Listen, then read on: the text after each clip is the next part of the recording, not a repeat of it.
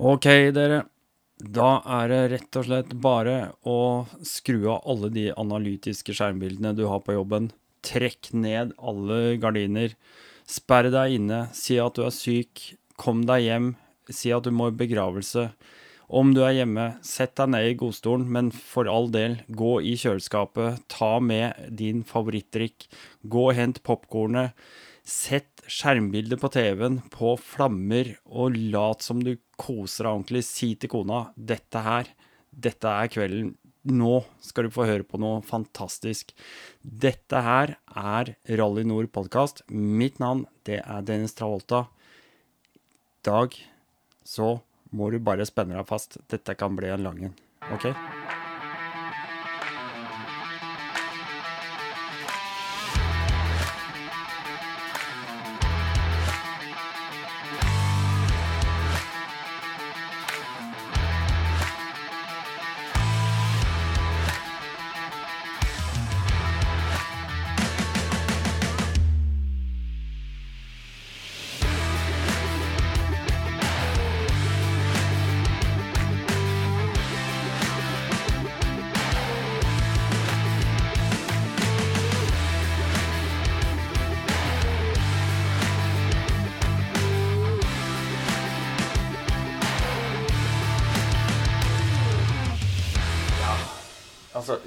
Garasjen er i garasjen, men uh, grunnen til at du er i garasjen, det er fordi at uh, jeg har med meg sykkelen. Uh, Huskverna 701 Long Range, som uh, jeg koser meg veldig mye med. Det er en super, super sykkel for min del. Uh, uten at jeg skal legge noe mer i det. Alt med motorsykkel er jo personlige preferanser. Eh, men eh, vi er i garasjen, da, for at eh, da kan vi skru og kose oss. Og så ha en liten sånn eh, garasjeprat som dere får være med på, selvfølgelig. Så jeg har fått meg litt kaffe. Rakk å lage meg litt kaffe. Da prøver vi å snurre litt kaffe.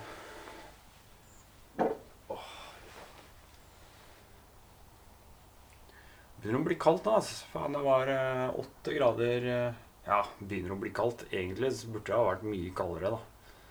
Men eh, åtte grader Været er helt, helt klinke blå himmel.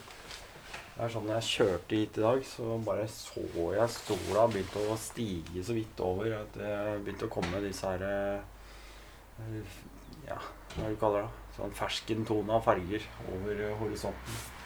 Helt nydelig, altså. Nå hører jeg en bil.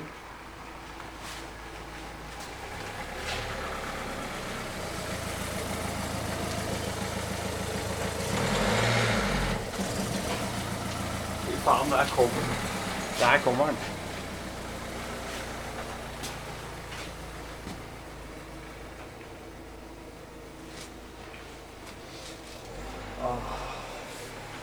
Nei, dette blir kult, ass. Skal vi se. Ah, han rakk det akkurat. Han rakk det akkurat før eh, bikka 07.01. Men eh, det skal han ha. Punktlig. Jeg hadde rett. Sjekk på den.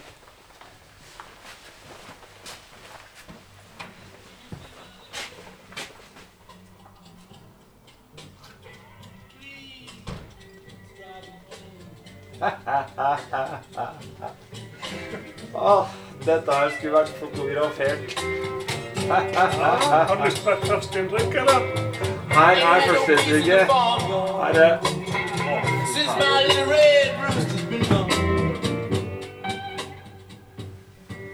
helt nydelig. Det ser jo greit ut. Helt nydelig. Det er noe å gjøre sånn i dag. Ja, nå gjør vi sånn. Håndtrykk i dag. Ja, i Det dag er, kjører vi på. det. I dag er det helt vilt. I dag er alt helt vilt. I dag eh, kommer dette, dette må vi introdusere nærmere. Ja. Men det jeg venter på i podkasten nå, i tillegg så er det gjenåpning av Ja. nasjonen. Ja, ja, ja. Det er, In so many eh, ways. In so many ways. Jeg syns det er stilig. Her kommer du med en eh, Hadde, hadde det vært på 80-tallet, så hadde vi kalt det en god gammeldags slepebrøler. Ja, ja, ja. Dette er slepebrøler. Men dette Eh, er altså en Hilti oppladbar radiospillersak. Popanlegg. Ja. Den uh, kjører du rundt med i bilen. Er det stereoanlegg? Det er en gründerbil, da. Det er gründerbil. Den, uh, den uh, Han har litt issues når det gjelder uh, stereoanlegg, den bilen. Ja, ja, ja, ja. Så, Ja. eh, Nei, men da er vi to, om det. Offeranoden, som vi fant ut. Ja, Herlig. Jeg har en sånn, ja. Det er en 99-modell eh, Toyota Corolla. Ja, ja, ja. Offeranode. Fantastisk bil. ja nei, men det, det er akkurat det. Altså Jeg har jo alltid kjørt sånne dritbiler. Men Fordi eh, at eh, det er jo dritbilene som finansierer motorsyklene. det er helt riktig. Men du, vet du hva? Nå tror jeg vi bare Dette her er jo en fantastisk låt. også jeg Osborn. Ja. Vi tar og demper lyden litt. Jeg har kjørt i gang eh, opptaker. ja.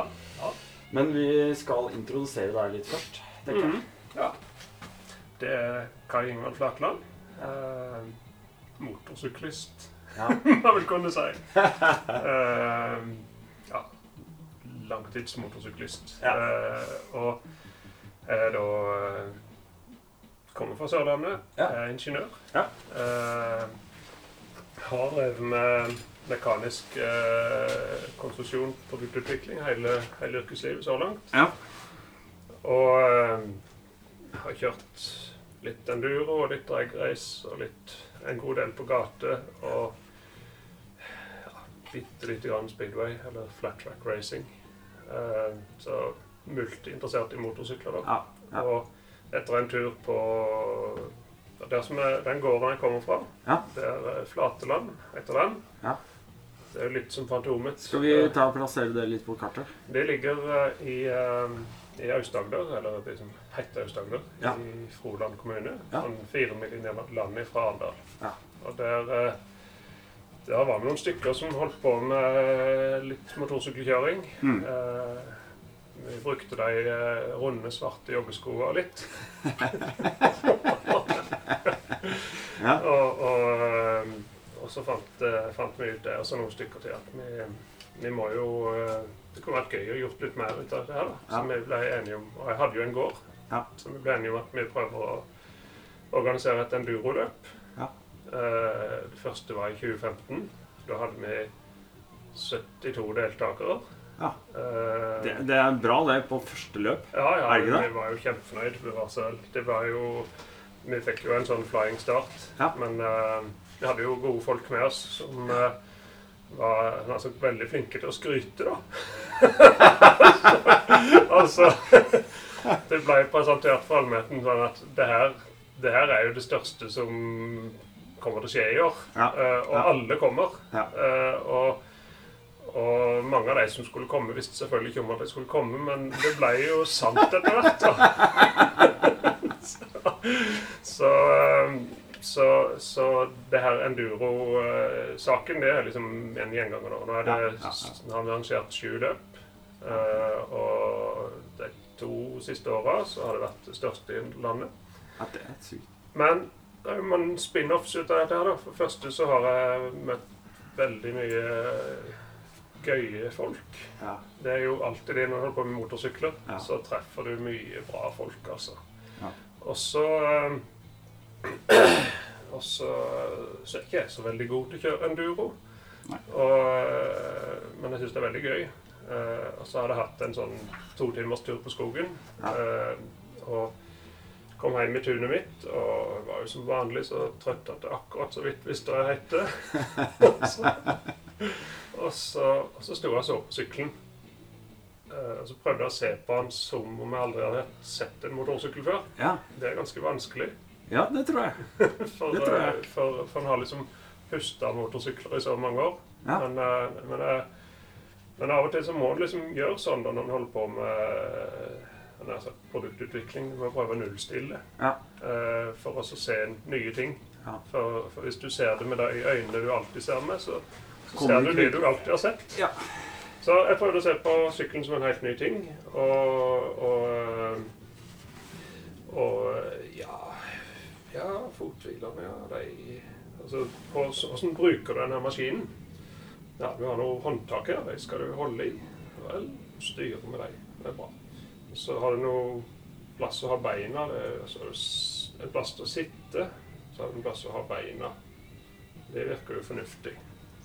Så jeg litt på de sakene du har beina på. De, de hadde tenner på seg, som de ikke skulle skli av. Og de kunne foldes tilbake. Og De var sikkert lurt hvis du traff på et eller annet. Så det her så jo fornuftig ut. Så det er ikke så mye å legge til eller ta fra på det. Nei. Og foran de her pinnene som du skulle ha beina på, så, så var det en bremsepedal på den ene sida og en girpedal på den andre sida. Mm. Det virka jo for så vidt òg som en fornuftig layout, så, så det var ikke noe å komme etter der heller. Eh, men så så var det at denne maskinen den, Du skal kunne stå på den og kjøre, da. Ja. Eh, og, og jeg sto og kjente, så kjente jeg at jeg har litt strekk i leggen og sånn. Og så, så så jeg på sykkelen igjen, og så Ja. Så her foran fothvilene, der skjer det. Der har du Mm. gir og bremse. Bak fothvilene, da? Hva er det som skjer der? Nei, det skjer ingenting der. Nei. Og da plutselig så datt det ned, da. Ja, men faen. Det mangler jo en fortviler på hver side. og det var, det var på en måte ideen til Twin Pegs. Ja. Um, og den har vært uendra hele veien. Det er fra det øyeblikket, da. Ja. Så jeg vet akkurat sånn pluss-minus to meter hvor fikk den ideen. Ja, ja. uh, og, og det har jeg da jobba med, med siden. Eh, For jeg visste at Jeg begynte jo å le når jeg fikk ideen. Ja. For det, er jo så dumt.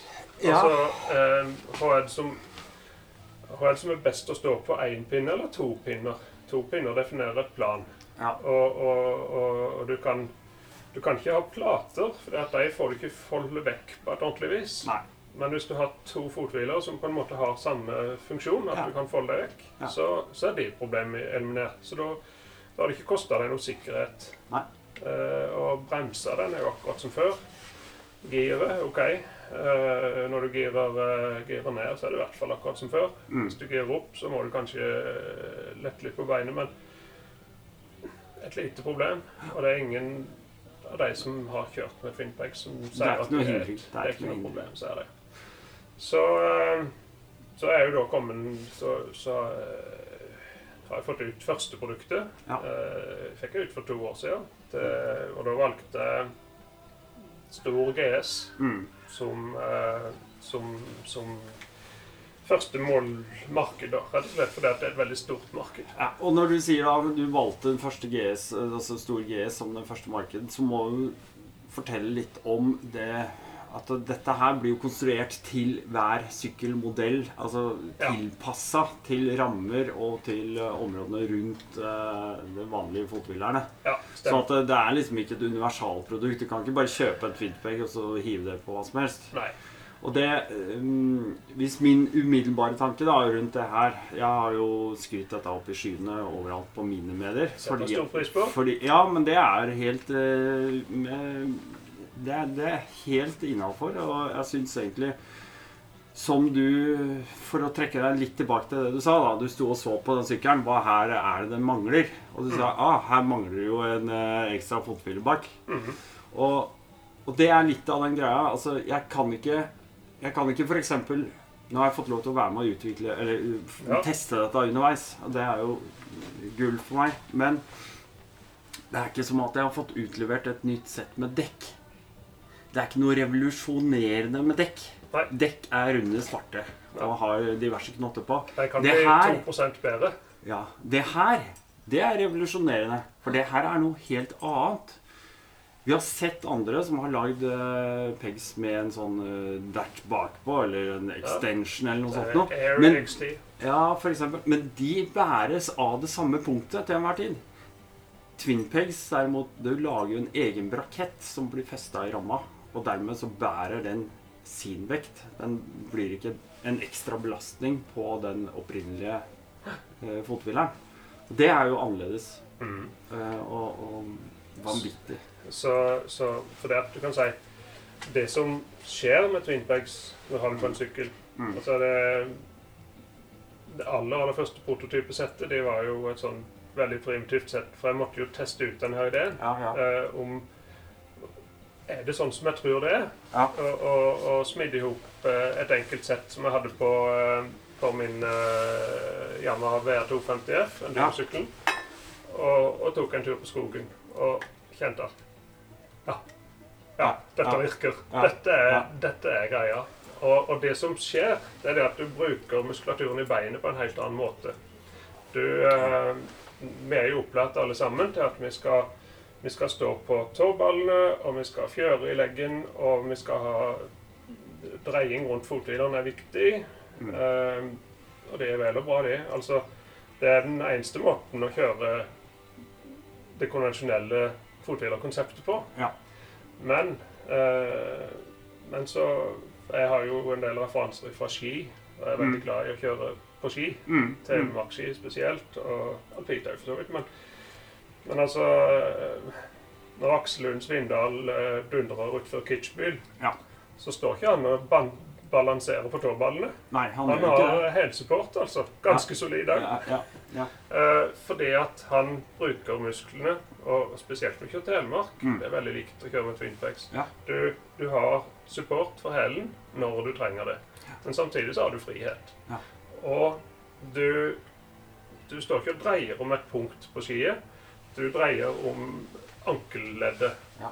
Og i ankelleddet, der har du Nå er jeg over på Jeg fant på et fint ord. Biomekanisk forklaring. Ja, ja, men det stemmer, det. Ja, men, Det men eh, kroppen vår er jo mekanikk, den. Ja, ja, ja. Den eh, I hvert fall Du flytter den der rotasjonen opp fra å være rundt fothvileren, og for så vidt òg i ankeleddet, selvfølgelig, men du flytter all den rotasjonen opp til ankeleddet. Mm. Og i ankeleddet der har du full tilbakemelding på vinkelutslag, Mm. og du har støttemuskulatur. Mm. Uh, det fine med det, det er at vi kan gå på to bein. Ja, ja. altså, Hvis vi ikke hadde hatt det, så hadde vi slitt uh, big time. ja.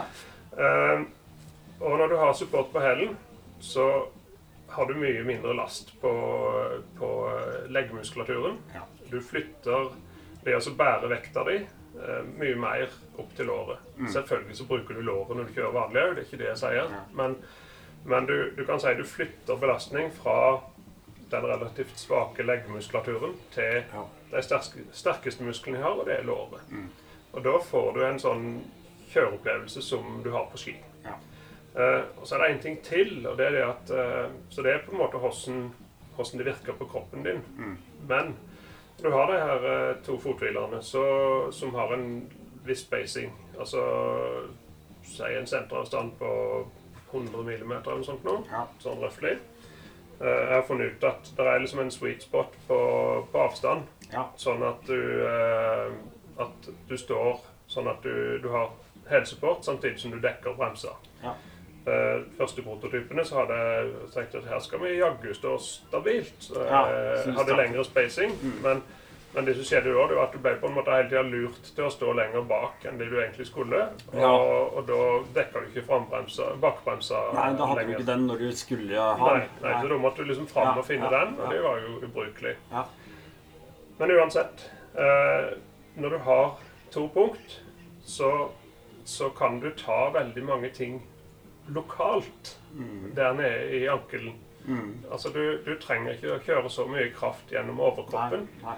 Altså selvfølgelig, som jeg sier, Hvis du kan kjøre sykkel, så bruker du ikke overkroppen likevel, for da har du, står du i perfekt balanse. Og det er jo veldig bra, det, men det er mye lettere å forflytte seg fram og tilbake, flytte tyngdepunktet ditt Ja. fram og tilbake når du har to punkt og har support på hælen. Ja. Og, og, og det, det er jo det det er jo det en merker eh, når du kjører enduro. da.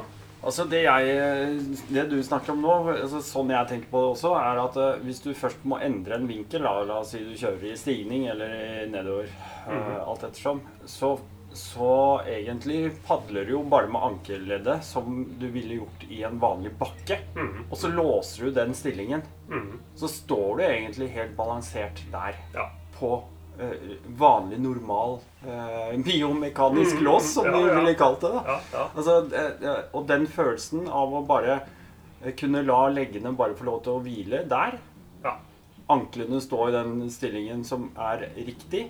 Og som gjør at du ikke verken eh, presser deg mot styret eller eh, noe sånt noe, men rett og slett bare holde kroppen med sånn som det er ment å gjøre, med lår og rumpemuskler og altså setemuskler og sånne ting.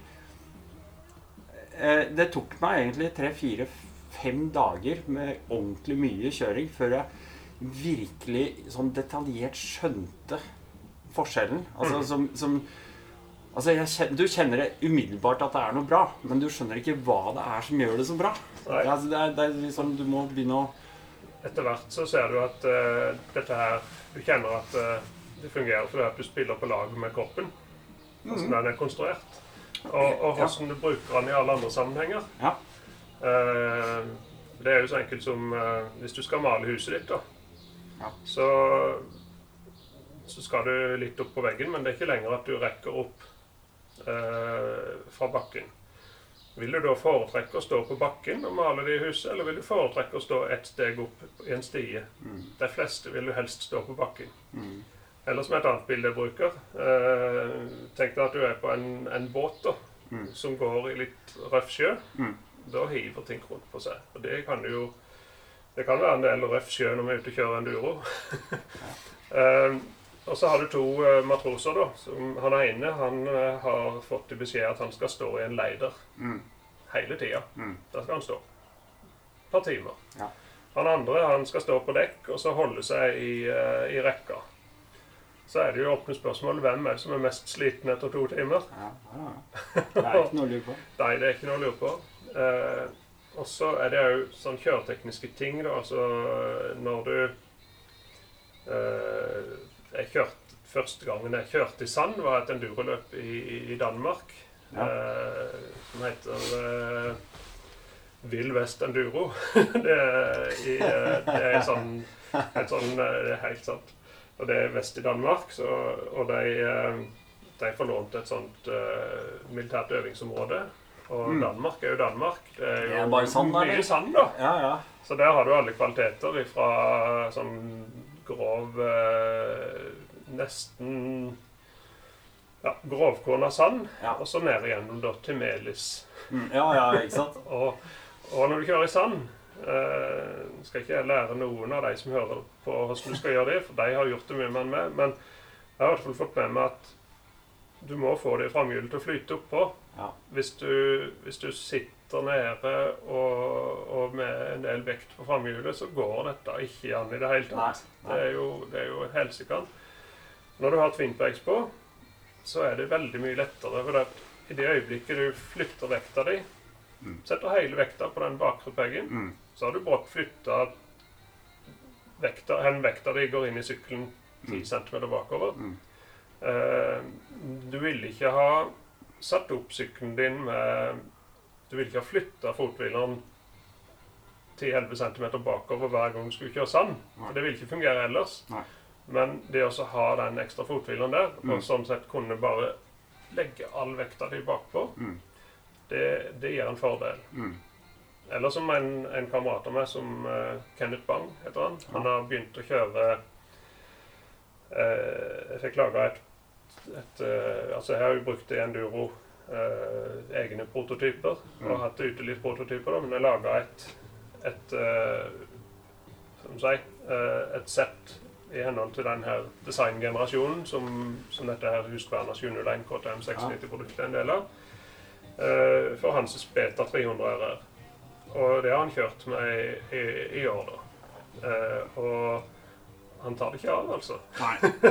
Han, eh, han, som han sa en gang når han testa det første gang, så var det opp en, en, en eh, bakke som i år vi brukte som ekstrembakken på det løpet. da. Mm. Så han sa at eh, det var jo en helt annen opplevelse, fordi at han fikk ned han fikk ned absolutt all vekta si i det bakhjulet. Ja, og det er, det er litt uh, artig. For du merker faktisk at du klarer å flytte vekta på en annen måte bakover. Ja. Hvis vi skal ta to punkter da. Du har punktet som er den originale fotbilleren din, Mhm. som sitter lenger fram mot hjulet. Og så har du da Twin Pace som sitter da 10 cm bakover. Mhm. Så det er klart at når du kan legge 10, 10 cm bakover i punkt For dette er jo i ramma, det er ikke i fastpunktet der hvor den originale fotobileren er, så vil du merkbart få mer marktrykk på bakhjulet Mm. i en sånn stigning. Mm. Det er ganske artig. Og så er det jo mange som spør alltid sånn Ja, ja, hva med når du kjører nedover? Og da tenker jeg sånn eh, Ok, så du kjører kun nedover, kanskje, du? Eller er det sånn? Men, men det, er ikke, det er litt sånn fleipete av meg Ja. å si det. Men jeg personlig Du har et ankerledd, og det ankerleddet det er så tøyelig at hvis du begynner å kjøre brattere stigninger enn det Det er klart du har stive støvler og mye sånt, men Mm. jeg, jeg kan ikke merke det. Altså, jeg syns ikke det er noe merkbart. Jeg er jo, jeg er jo skogeier, eh, Mm. og gården min heter Flateland. Ja. Det er litt som at Grønland heter Grønland. Ja. ja. Det er ikke veldig mye flatt i skauen min, nei. eh, og der er ganske drøye bakker og skrenter og alt mulig. Og jeg har jo selvfølgelig Det var en av de tingene jeg lurte på. Eh, ja, vel og bra det når du hamrer fram på ei slette, men hvordan er det når du skal slippe deg ut fra noe som, eh, som er bratt? Ja. Eh, og, og med den 250 Enduroen så, så, så får du jo testa ut det, da. Ja. Eh, og jeg har kjørt ja, Det sier for så vidt ikke noe for folk, da, men jeg har kjørt utfor bakker som er så bratte at det så vidt tørr. Ja, ja. Uh, uh, og, og er jo, det er jo det er jo vittig, da. For eh, jeg har jo kjørt mye på vei. Mer, mye mer i vei enn i skau. Og Mm. da har du inne noen reflekser. Altså frambremse, f.eks. Den har du et nært og godt forhold til. Ja. Og, og jeg har kjørt utfor bakker som har vært så bratt at når jeg gir et lite nipp på frambremsa, så har Ja, det var en forveis koldbøtte.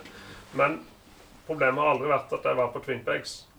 Eh, så og, og, og vi har ei, ei lang eh, En lang bakke som er så bratt at den er veldig kødden å komme opp. Men eh, der kan du bare hamre utfor på Twin Peaks. Det er ikke noe Ja. tema.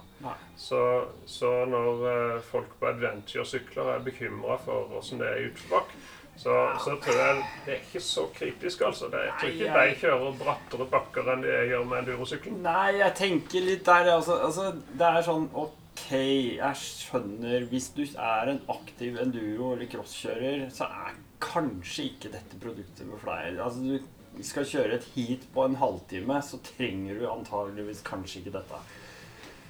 Kanskje. Kanskje. Kanskje. Jeg sier ikke at du ikke gjør det. Jeg bare tenker Når jeg skal argumentere for at en fyr som kjører motocross i en halvtime, trenger det her, Mm.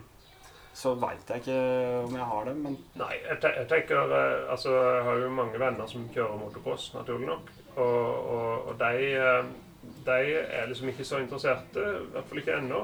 Fordi at, eh, fordi at de de kjører jo noen ganske harde innbremsinger, og da slipper de hælen eh, godt stykke ned Mm. bak eh, fothvileren. Ja. Og der står jo twinpeggen, da. Ja. Men, eh, men når vi Det var litt interessant eh, Altså, på enduro er litt annerledes. Ja, Eh, men men når vi, jeg laga dette Beta 300 RS-settet, så, så fikk jeg Importøren av Beta heter Mardon Moi. og kamerat av meg. Mm. Eh, han, eh, han er norgesmester i trail seks ganger etter en annen. Det tror jeg er en rekord som er vond å slå. Au. Ja. Eh, og, og jeg spurte han eh, når vi satte ut det her prototypekittet på, på betaen. Eh, og da laga jeg bakre fothviler sånn at eh, jeg la han en, et godt stykke ned under. Sånn at jeg, og så hadde jeg løs fothvileroverflate. Så kunne jeg skimme den opp og ned da, Ja, ja. for å få, for justere oppsettet. Og spurte han eh, om han kunne tenke seg altså, å ha en, en testdag for å eksperimentere med oppsett. Mm. Eh, ja, det syns jeg hørtes gøy ut. Og, og da fikk jeg låne den eh, sykkelen ut av Kenneth som, hadde, som jeg hadde Twin Peaks på. Og så hadde han, stilte han med helt identisk sykkel. Ja. Originalt oppsett. Så hadde jeg en neve med skims og noe verktøy i, i, i lomma. Og så hadde, vi en, hadde han ei fast sløyfe, da. Ja. Så kjørte han en runde på originalsykkelen, kjente som de var. Og så en runde på Twinpack-sykkelen. Ja. Uh, og, og kjente som de var. Og så Ja, tror vi skal ta vekk to millimeter med skim. Ja. Kjenne som de blir. Ja. Og, og, og runde på runde, da. Og, og han landa på et oppsett der han, eh, der han hadde var det 15 millimeter eh, den bakre fothvilen var under. Ja. Eh, som han Men det var på en måte med den ivar, Det ivaretok den kjørestilen han sånn sett hadde fra før. Ja. Eh, og det var veldig nyttig læring, for når jeg kjørte, kjører enduro, så, så med mitt prototypesett, så har jeg stort sett vært level, da. Ja. Eh, men så i de nye produktene så bygger jeg inn sånn at den bakre Ja. fothvileren er litt under. For det skal vi komme tilbake til akkurat det. Når vi, for vi skal snakke mer om denne her. Den Mhm. her som jeg står og holder i hånda nå, som Ja. du kom nå på morgenen. Den er, den er stått og niholdt i. Og bare står og stirrer. Det ser egentlig ikke ut som du vil Jeg bare står og stirrer på den. eh, Vi skal komme tilbake til akkurat hvordan eh, det er bygd opp, tenker jeg. Ja. Um, det er jo Det har jo vært utrolig kult. Altså, først må jeg, jeg begynte litt med at vi egentlig ble kjent litt her i fjor. Ja. Eh, Jeg drev og prata litt for meg sjæl ute i garasjen her før vi kom. Og eh, som jeg sa, jeg regner med han virker som en veldig vondtlig fyr. Og det var det jo, da. Altså, som jeg sa, jeg ga deg litt slack fordi at du ikke har vært her før. Ja, ja, ja. Men når du kom med ti på Eller 50 sekunder over syv, så syns jeg det var eh, Jeg, jeg, jeg, ga, jeg ga meg sjøl litt gode odds, da.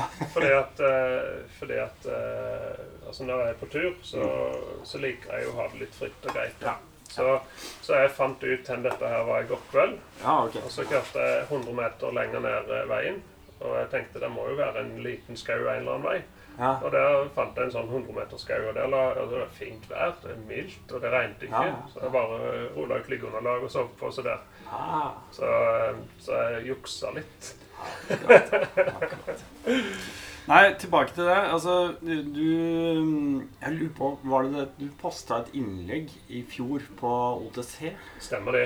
Eh, Var det ikke det? Jo. Eh, eh, måtte en lodda litt interessen for, uh, på andre modeller enn de her uh, store GS-ene.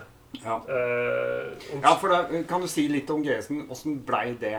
Åssen syns du det er Det er blitt sånn Altså Jeg hadde jo et par kamerater som hadde de syklene, da. Ja. Og jeg visste jo at Altså Når du er ute og kjører, så hvis du har møtt fire motorsykler, så har jo tre av dem vært GS 1200-1250. Mm. Eh, og og, eh, og laga da tidlig prototypesett Mm. til, til, til denne GS-en, som selvfølgelig ble ferdig Jeg fikk montert det sånn 11 på kvelden før han skulle på fire ukers eh, Ja. sommer, sommerferie. Kjøre Ja. rundt i Alpene og sånt. Ja. Og han, eh, eh, han Når han aller første turen, så kom han tilbake, og han var vill i blikket. Det er helt rått! Du må prøve den! så, så responsen var jo voldsom, da. Ja. Eh, og, og, eh, og, og eh, så hadde jeg likeens eh, en annen kar som, som jeg hadde 1200 GS, Mm. som, eh, som prøvde dette. Og så fikk jeg låne sykkelen av han. Da landa på at jeg, jeg lager kittet til den da, Ja, først. ja. Eh, og, og, og han var jo i samme Og han er jo en forholdsvis dreven kar som har kjørt uh, Road of Bones og, Ah, okay. og sånt Ja. noe. Så han har, uh, han har hatt noen timer på sykkel. Og han, han var jo på at dette, her er, dette er tingen å ha. Mm. Uh, så, og, så jeg laga det her settet. og jeg forhørte meg litt på BMW-sida, og det var, det var jo veldig Ja, det var en interesse. Det var spennende, det her. Mm. Og jeg fikk jo Når jeg la ut et innlegg, så fikk jeg jo kontaktnett umiddelbart. Folk fra, En kar fra Australia han eh, sendte melding, og dette var han kjempeinteressert i. En amerikaner var på samme viset. Mm. Så mottagelsen var god, den. Ja. Uh, Syns jeg, da. Og, og, og, og begynte å ause penger inn i det her, da. Ja, ja, For ja, eh, det- ja, for det, det er jo en investering. Altså, du, du, Nei, nei, nei, det er jo helt latterlig Det kommer ikke er- gratis. Nei, det gjør ikke det. Eh, det ja, heldigvis så hadde Altså eh, det, det her greiene kommer fra skogen på så mange vis. Ja. For det, at det er jo enduro som er utgangspunktet. Og det er tømmerleveranser som da har eh, finansiert prosjektet. Ja, ja. Eh, I hvert fall. Eh, når jeg da fikk ut prosjektet, så produktet, så, så, så var det mye seigere da. Eh. Men jeg, jeg solgte noe av de som jeg solgte til, de var superentusiastiske på det. Men det virker som at jeg har solgt bare til folk som ikke har en eneste venn. Mm. Og jeg tenkte at, eh, jeg tenkte at ok, dette er helt nytt, jeg har full forståelse for det, men, men når noen faktisk begynner å kjøre det og Ja. ser at det virker, Ja. så, så Og jeg har kunder over hele verden, Ja. eh, så, så jeg har klart også å gjøre Twinpegs-konseptet kjent. Ja. Men, eh, men, men det er nok litt vanskelig for, eh, for folk å ta inn at eh, at BMW, som har lagd motorsykler en stund, og, og KTM for så vidt òg, Ja. de har jo et enda større utviklingsbudsjett enn enmannsfirmaet mitt. Riktig. riktig. Og de kjører ikke med Twinpegs. Så, så det vil si at, at de har laga motorsykler på samme måte i 100 år. Ja. Og så kommer jeg og sier at er vel og bra, men det er jo halvfabrikat. Altså. det har jo ikke, det har jo ikke fått helt til ergonomien, da. Det faller ikke helt i god jord hos nei, akkurat det der. Nei, det, det er ikke, jeg tror det er noe der. Så, og så er det jo selvfølgelig det at, eh, at mange av de som De kjører ikke så egentlig så mye på grus. Nei. Uh, og, og dette her er jo eh, en ting du egentlig har mest betalt for når du, når du står oppe. Ja, ja. Han, han som reiste på fire uker, da, han, Ja. han første testkjøren min, som hadde verdens første sett på GS, han, han, eh, han var jo veldig fan av dette her når han kjørte vei òg. Fordi at han eh, For da bygde han opp den bakre fothvileren noe. Sånn at, han, eh, sånn at han hadde kontakt med begge når han satt. Og, og da fikk han en helt annen tilbakemelding da. Når han kjørte aktivt sving. ja. Så, men det er på en måte det, det er jo sånn Det får folk finne ut av etter hvert. Ja. Det er ikke det jeg fokuserer på. Nei. Det er det å stå oppe. Mm. Og, og, og, og når du står oppe, så Altså hvis du kjører langtur, da, Mm. så, så, så hvis du Altså når du kjører langt motorsykkel, så er den, den beste stillinga di, Mm, mm. det er alltid den neste. Altså hvis du sitter eh, Som en sa, han han kjørte en CBR 900 RR ifra og så, og så begynte det å gjøre vondt. Og så ble det mer og mer vondt, og så ble det kjempevondt. Ja. Så det, du må jo ikke sånn. Du må jo flytte deg ut på sykkelen. og eh, du må, jo- For nå er Flytter deg litt fram og tilbake på setet Ja, ja, og får litt annen vinkel i Eh. hofter og kneledd og Jeg har jo mine 20 år med Street Fighter og, og kjører sånn eh, Kjørt opp til Trondheim sånn 80 mils etappe der og sånt. Og, og, og da sitter ikke jeg som en uh, limt fast. Da, da uh, hadde litt sånn Apache-stil i 60-sonene. Der hele ræva er på utsida og bare ligger med lår over salen og sånt. Og sitter litt på tanken og alt mulig. Og da når du kjører langtur, så GS-en er jo fantastisk, bevare seg vel. En Veldig kompetent motorsykkel. Men det å kunne reise seg opp litt, altså stå og kjøre litt, Ja. Det avlaster da. Og når du har twinpegs på, Mm. så er det jo helt eh, glimrende å, ja. å stå oppe. Bare sånn jeg tenker, da. Jeg har også kjørt GS. Jeg hadde hatt uh, GS-er. Men uh, de store, tunge syklene, når du er ute og kjører sånn eh, på vei, og Mhm. du blir sliten av å sitte og har lyst til å stå litt, så er det jo sånn at man ofte automatisk, når man reiser seg på en vanlig peg da, mm. så flytter man seg også litt framover. Mm. Ikke sant? For å få, ikke få alt spennet på tåballen. Altså, Ja. man vil gjerne ha den, eh, den fothvileren litt mer nærmere hælen, da. Ja, For å ikke belaste leggene, leggene så fælt. Og da får man jo en litt sånn derre Ja, da kommer man veldig nærme styret. Altså, det blir veldig sånn Det er ikke helt der man vil være. Man føler ikke full kontroll i den stillingen der. Altså. Hvis det skjer noe fort, så har du ikke kjangs. Du er mer på alerten hvis du kan flytte, flytte deg litt bakover og har litt mer avstand til styret. Også i en eh, asfaltsituasjon, da. Mm, mm. Men det jeg eh, Altså Det første jeg tenkte De prototypene som jeg har fått av deg Du har jo 3D-printa noen plastprototyper. Nå skal vi komme tilbake til at eh, eh, For Sunnhordland så la du ut og fiska litt på OTC. For i, i kan det ha vært eh, april-mai i fjor en gang? Ja, Sånn cirka? Stemmer okay? Stemmer det. Ja. Og da, da, da sonderte jeg litt for, for det at du kan si Det her GS-produktet, det, det, det var det var tungselt. Ikke fordi at det ikke virker, men fordi at Det er litt konservativt, og, og det er litt Og så og så- og så mente jo folk at det var dyrt. Altså 10 000 for et par ekstra lykter, det er jo greit. Men det er fordi at alle har det. Så, Ja, så, det er så, nydelig. så, så, så da må du ha det. Ja, ja. Og, og den her Klim-dressen, den koster jo penger, den òg. Ja. Men siden alle har det, så må du ha det. ja. Eh, Det er, det er noe med det. så, så, så Men det er klart, det er jo bare fattige mennesker som kjøper motorsykler til 300 000, så jeg skjønner jo at Men altså, forskjellen på en BMW og en eh, 701 690 da, det er jo at man har mye mer lyst til å stå på Ja. en 690 701. Ja, ja. Det er i mange flere situasjoner hvor man faktisk ønsker å reise seg, og, og den det er, det er ikke noe å lure på. Det er to forskjellige maskiner. De Mm. brukes eh, kanskje mest mulig Mest forskjellig, da. Ikke sant? mm, Det å Når jeg fikk den 3D-printen av deg i fjor, mm, og vi eh, begynte å, å, å, å, å jobbe litt med det Altså, jeg tok meg i det. Jeg sto og kjørte til og fra jobb. Altså, jeg kjører ringveien tre mil til og fra jobb én vei. Jeg, jeg tenkte faen heller, jeg må skjerpe meg. Jeg kan ikke stå og kjøre på ringveien her. For at en dag så kommer de der eh, saftblandere på taket. Og så lurer på hvorfor jeg står og kjører på ringveien. Det ser jo litt sånn der eh, For de som ikke er inn i det, så, så sitter de sikkert bare og rister på huet i bilen, ikke sant? Er det lov? Er det sikkert noen som tenker. Men faktum er jo det at med en gang du står på en Twinpeg, sånn som det her, så mener jo jeg at man har så full kontroll uansett. Mm. Eh, også fordi at man kan ha litt mer avstand til styret.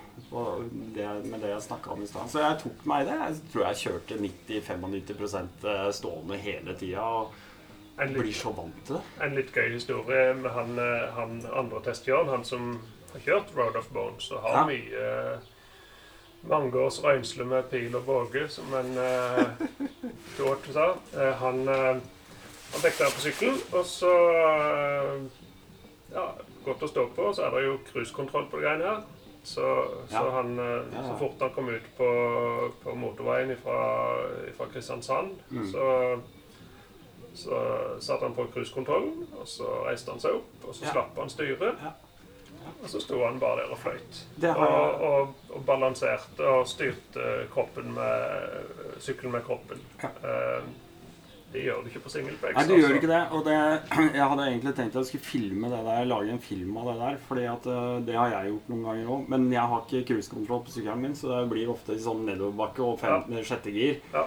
Eh, Sånn at man liksom bare kan eh, rulle nedover. Men det er faktisk sånn at eh, du har så mye kontroll med Twinpegs at jeg kan bare sitte, slippe styret, og så reise meg uten hender.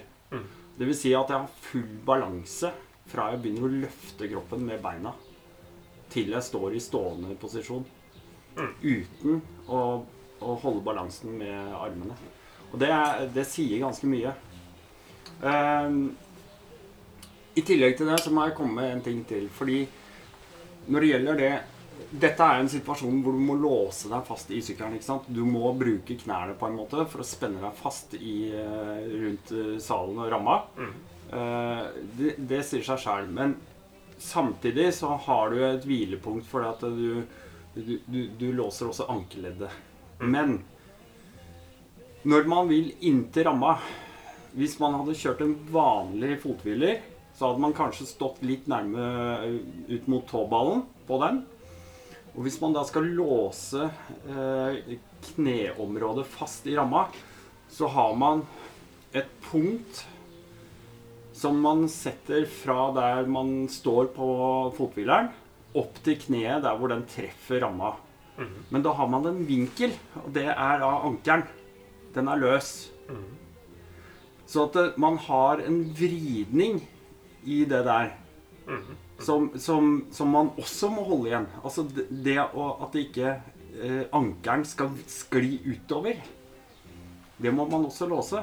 Men hvis man kan hvile bakover på twin pegs, så låser den automatisk av seg selv, og man trenger ikke å bruke kraft på det. For da har man låsningen fra twin-peggen og opp til kne. Jeg vet ikke om det ga mening, det jeg sa nå, Ja, ja, men, men jeg merker faktisk det. At eh, du får ikke den vridningen Nei. på samme måte.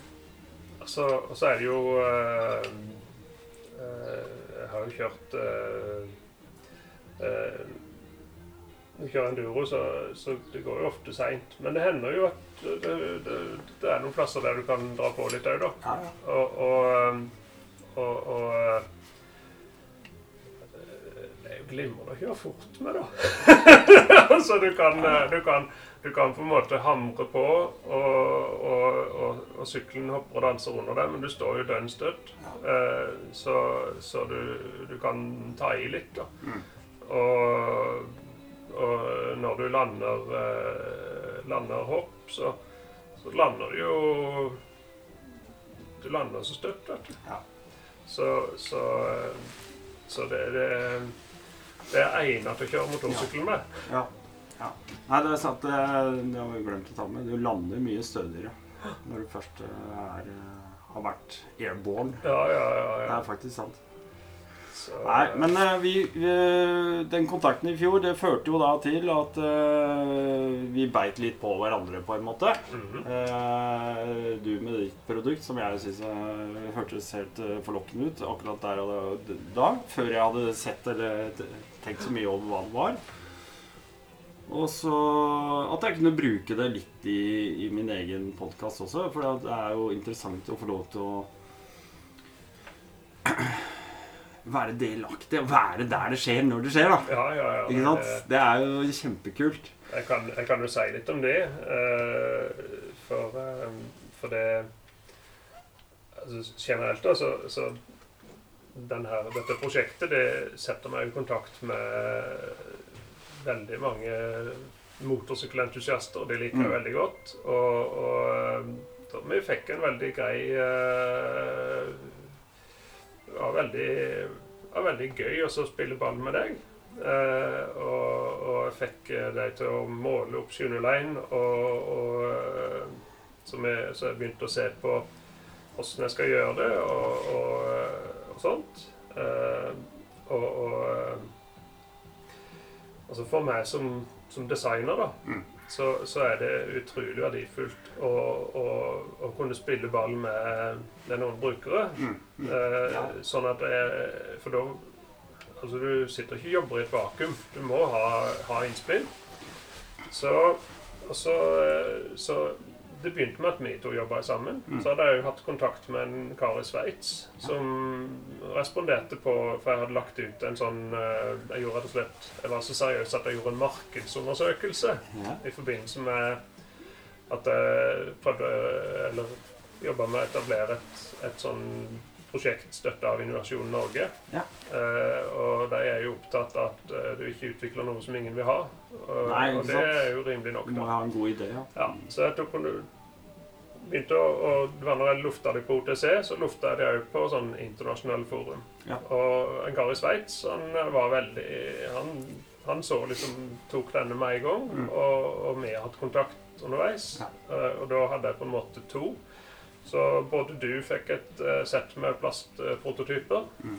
Eh, altså, jeg, har, jeg sitter på loftet og har en ganske fet 3D-printer der. Og, og, og altså For meg som designer, det er jo en drøm, de mulighetene som vi har nå. Ja. Eh, det at jeg kan sitte på, på PC-en og, og modellere opp, og så får jeg en fil, og så har jeg sykkelen på utsida, måler jeg litt på den, og så ja, tar litt sånn, og så når jeg tror jeg har det, så kjører jeg til print, og så ut og tester det printet. Og, og det er på en måte sånn jeg har jobba både med GS-produktet og, og med det her produktet, og også med andre prototyper.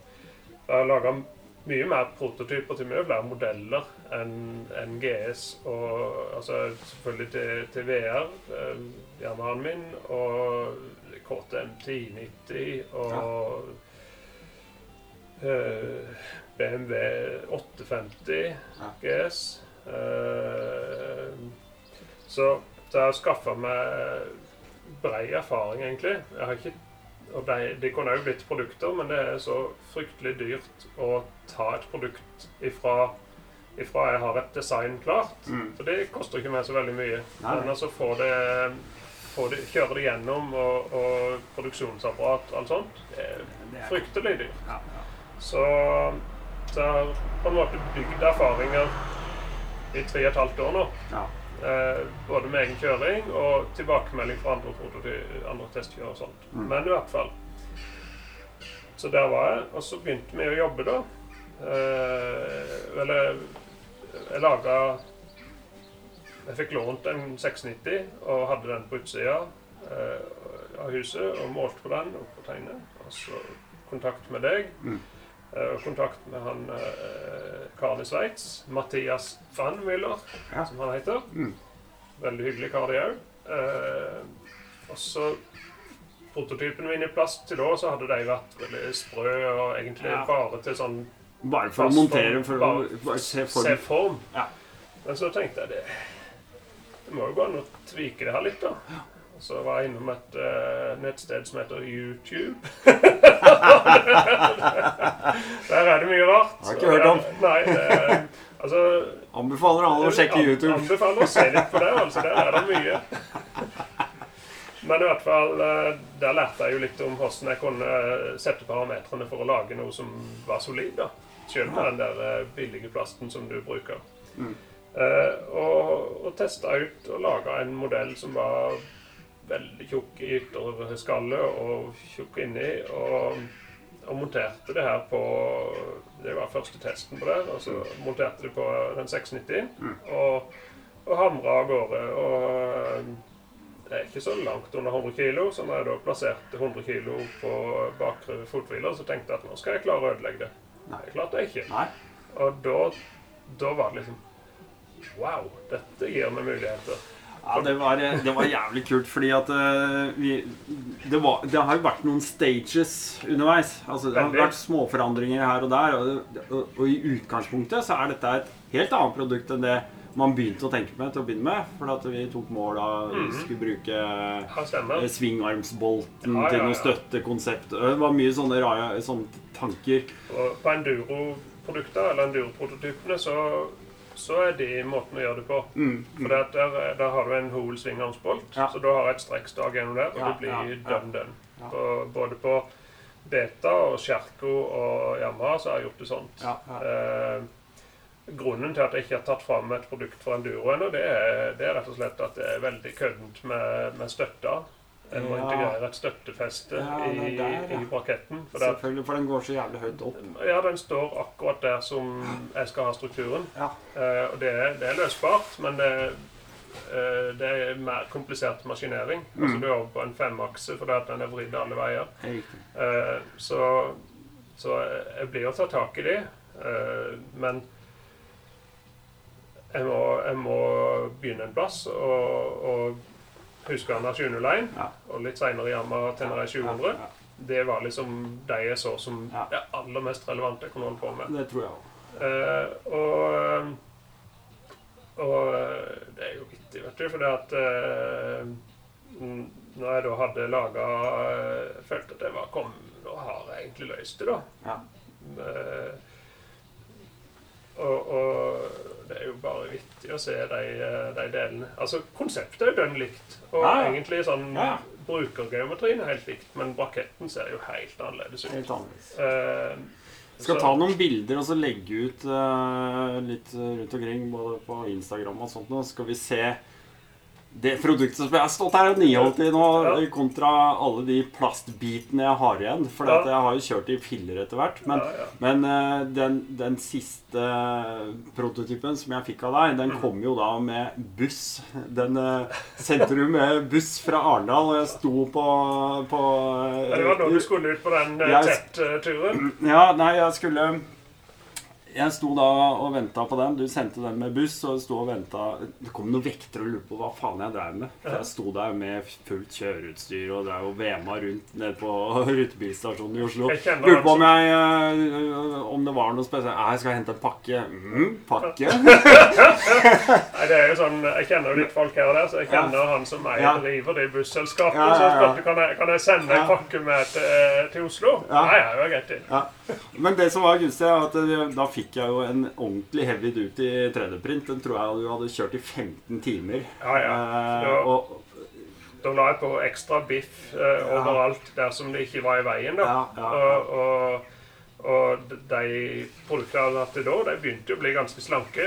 Den du fikk da, den var ikke slank. Den så jo ikke ut. Så, så jeg, jeg døpte den til Frankenpegs. Frankenpegs, ja. Stemmer. Eh, Men de hadde jeg da på sykkelen, monterte jeg, for dagen etter så dro jeg av gårde på syv dager. Kjørte jeg 3000 km på syv dager. Eh, og det var bare sånn roadbook-kjøring, som jeg også lagde en podkast fra. Og fy fader, for et fantastisk produkt. Men helt mot slutten, da knakk det sammen. Da brøt det sammen, men det holdt altså hele veien. Jeg er helt superimponert over bare plastikk. Og nå står jeg her med aluminiumsutgaven, og den, den, den er enda sterkere enn plastikk. den kommer ikke til å brekke. Det veit jeg bare. Det er jeg Nei, sikker på.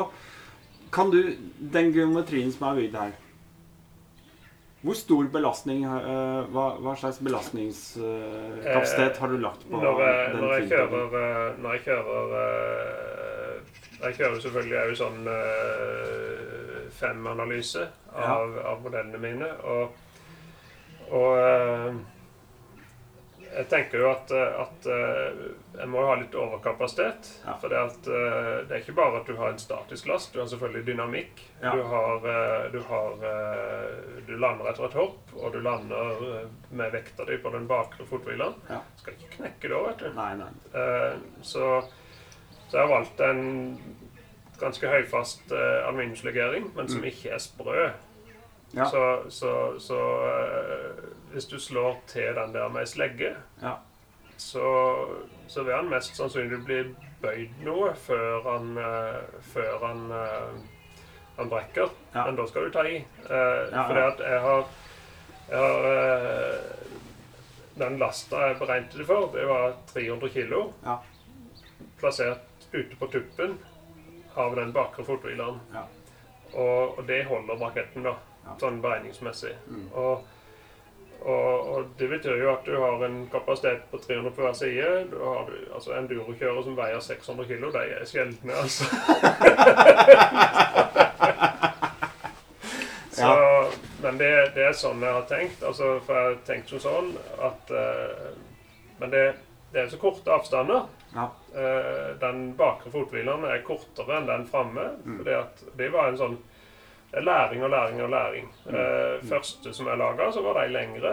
Eh, og så var det en som kjørte løp i enduro med prototypesettet mitt. Og så sa han at den, den, er, den er litt for lang eh, Ja. av og til når, når jeg kaver og padler og Ja. gjør jo alle mulige ting. Eh, så, så jeg sa til ham Jøss navn, kapp han av. Få han sånn som han skal være. Og så tok han av en 15-20 millimeter, og så er jeg bort til verkstedet mitt, og så kappa det samme på mitt. Mm. For det var ganske likt eh, prototypen da. Så kjørte jeg med det, og da OK, dette funker jo. Så jeg har en ganske kort kraftarm. Og, og, eh, og da, da kan du ta mye last uten at det blir et sånn klumpverk. For det, når vi snakker om 300 kilo, så høres det jo helt vanvittig ut. Men den er jo ikke veldig klumpete, den du har i Nei, nei, nei. nei, nei. Og den har flere funksjoner, som vi også må ta med her. Ja, og det for da hadde Fannmyller med, og så fikk vi Så tipset han om en kar fra Sør-Afrika som var på en måte en sånn nestor på det her forumet. Ja. Uh, og Fanmiller han, han presenterte For han var jo veldig begeistra når han kjørte på plast. Maken til det du har. Ja. Uh, og Det var faktisk de samme som jeg ikke klarte å kjøre over. Så jeg bare Ja. sendte han et par av dem og så et ekstra reserveprint. Uh, og da la han ut en sak på det her eh, globale Husqvarna Skyneline-forumet. Ja. Og, og det var en som var veldig interessert. Jeg mistenkte at det her er han der sørafrikaneren. Så han var veldig interessert i dette her. For jeg, det var en del spørsmål om hvordan dette virker. Og så, så skrev jeg en sak da, der jeg presenterte meg som det var jeg som var oppfinneren. Og, og, og kjørte, så de ikke skulle kjøre noe falskt flagg. da. Eh, og forklarte hvordan det var tenkt, hvordan det virker og alt mulig. Og da, da fikk jeg jo umiddelbar respons av, eh, av en kar som skrev 'thank you' med capslock. Og, og det her er akkurat sånn som jeg trodde det skulle være. Ja. Og så fikk jeg en melding fra han da at eh, ja, dette var han interessert i å være med og utvikle. Mhm. Fin ting. Ja, det er du velkommen til å gjøre. For jeg skjønte jo at ut ifra spørsmål og sånn, så skjønte jeg at Ja. dette her er ikke average Joe. Han, Nei, eh, han fyr. han kan, han kan tinga, og han stiller gode spørsmål. Og, og eh, når han eh, Mathias eh, så at jeg hadde fått med Dominic fra, fra Sør-Afrika, så Wow! Du har fått med han! Ja. Så da hadde jeg en til i gruppa. Da var vi tre stykker. Ja. Eller det var meg og så tre eh, kompetente brukere. Og så hadde jeg hatt kontakt med en, en kar fra New Jersey som drev eh, Som da drev et sånt motorsykkel-adventure-turfirma i Panama. Mm. Uh, Mm. Han var jo veldig interessert i det, så da var fjerdemann med. Ja. Og så har vi hatt en Messenger-gruppe, da. Og det er jo for meg som designer så er det jo helt fantastisk Ja. situasjon. For at, eh, for at da har jeg fått innspill fra dere Ja. på så ikke bare på hvordan ting ser ut, men hvordan det, det må være kompatibelt med sånn og sånn Ja. ekstrautstyr. Ja. Eh, altså bagasjeløsninger. Eh, og og det, det har jo vært sånn at jeg, jeg tenker nå har jeg et design som, som virker. Så kommer det Ja, et men, nytt så kommer det nytt. Ja, men du må tenke på at det skal passe med Ja. det bagasjerekket der. Ja. Og sånt. Og så ja, riktig. Så skal jeg få til det, da. Ja, jeg må jo bare prøve. Og så, og så er det en, en ny runde med tweaking og, og justere geometri og få fothvilene annerledes og braketten annerledes. Ja, for det, det vi må si da om det produktet her, det er at det bruker de festepunktene som man normalt bruker til eh, passasjerfothvilerne. Mm. Og de punktene blir også brukt da til å feste bagasjebærere i alle sammenhenger. Mhm, Det mhm. blir også brukt til å feste f.eks. sånne tie-downs til eh, hvis du har en Giant loop. giant loop og sånne type ting. Mhm. Så kanskje man kaster de passasjerfotoene og så monterer det isteden. Mhm. Så det her er jo et så gjennomprøvd og så Du har fått mye bra feedback på det. Og det her konseptet har bare utvikla seg, egentlig. For det er ikke bare lenger en twinpeg som gjør akkurat det den skal i forhold til at du står. Den har faktisk så mange andre gode funksjoner. Du kan bruke den som en egen tie-down. Du kan feste masse forskjellige ting. Eh, fordi at man har bora ut, lagd hull som gjør at den ikke bare blir lettere, men at man kan bruke de hullene til det man måtte føle for. Eh, også lagt inn noe gjengahull. For det, det er sånn at noen altså Giant Loop den kommer jo Ja. med et, en, en egen, et eget feste. For Ja. Der er det sånn at du kan hooke innpå. Ja. Eh, og, og det var et innspill fra Dominic at du bør ha et gjengehold, sånn at du kan ha den der òg, hvis noen vil bruke den. Eh, så, så da må den med. Så, så egentlig fra alle i gruppa så har jeg fått sånn, eh, sånn innspill som du kan se igjen i, i designet. Ja, ja, ja. Eh, så, så, så det har vært et veldig Så har vi hatt det moro, da. Ja, ja, ja ikke minst. Det har vært Og- kjempegøy. det skal være gøy, og, og, og det å skape de sammen, det er, jo, det er jo da på en måte yrket mitt er på sitt aller fineste. Ja, jeg tror jeg Altså eh, det er, det er og, og du har, vi har ikke Eller du har ikke gitt deg før dette her har vært 100% gjennomtenkt. Det altså, vi, sånn vi, vi justerte en halv millimeter på hullet her. Bare, det var det siste antakeligvis som ble gjort. Det var liksom å justere inn en halv millimeter på et av festehullene. Mhm. Bare for å få det derre ekstra lille Det var ikke nødvendig, men det var akkurat sånn at nå, nå kan da blir det litt bedre. Ja, det blir enda Eh, litt bedre. Og, og vi har jo faktisk brukt litt tid òg. Ja. Eh, nå er det september, og, og, og eh, jeg hadde første printet klar etter påske. Mm, mm. Eh, men Men det er altså Produktutvikling sånn som det her, det, det er litt sånn modningsstoff. Ja. Uh, må bruke litt tid og få litt innspill. Og, og mm. jeg syns jo Jeg var et uttrykk altså det, det hjelper ikke å springe hvis du springer i feil retning. Nei, nei, nei, Selv om du er kjempegod til å springe. og det er jo Ja, Løp så fort du bare vil.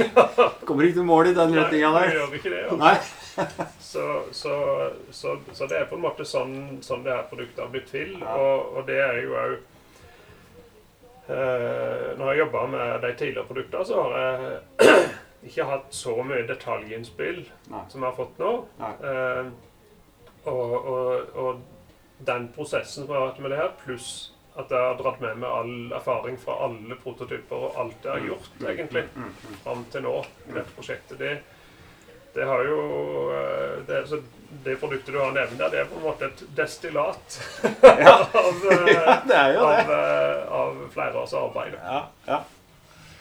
Nei, jeg er Vet du hva, jeg er helt henrykt. Jeg føler at Og vi skal, vi skal videre. Uh, skal ta det litt uh, etterpå. Men Jeg må jo uh, få fram at uh, jeg er jo litt vrang. og og òg litt sta. ja. Så, så for jeg har eh, Et av, delmålene for det her prosjektet det var jo at jeg skulle få til produksjon i Norge. ja. Ja og, det må og det med, det med eh, Altså, det er ikke så mange firmaer i Norge som produserer motorsykkeldeler og selger til verdensmarkedet. Nei. Eh, og, og det var Det var jo veldig vanskelig å, å finne en maskineringsbedrift som, som på en måte Altså, alle kan jo lage det, men Mm. også, også lage det så effektivt og, og, og, og kosteffektivt at det går an å på en måte få et produkt som, Ja. som kan selge. Det har vært en, en utfordring. Ja. Eh, men når jeg har jobba med det her, så har jeg jo lært hele veien. da. Så, så, så, så det har vært med i, i hodet hele veien at du skal produseres av noen. Mm, Det skal mm. produseres effektivt. Ja. Eh, og, eh, og, og eh, jeg var og henta den første serien med, med produkter nå i, eh, i, i går. Ja. eh, hos uh, Subsea Maskinering i Ja. Hokksund. Mm. Eh, og som jeg sa til, til en, en, en kamerat eh, jeg, sa at eh, de delene som jeg har fått nå, Mm.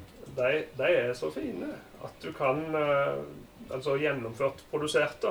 At du kan, du kan eh, sette på et kjede og, og, og henge det rundt halsen på eh, Ja. veldig, Ja. veldig vakre og veldig rike kvinner. Du, vet du hva? Det er, det, er, det er fryktelig imponerende. Altså, det her Dette er ikke Dette er Det er så kvalitetsmessig, så finishmessig, at det er eh, sjelden jeg faktisk har sett noe som er så gjennomført som, er, som det greiene her.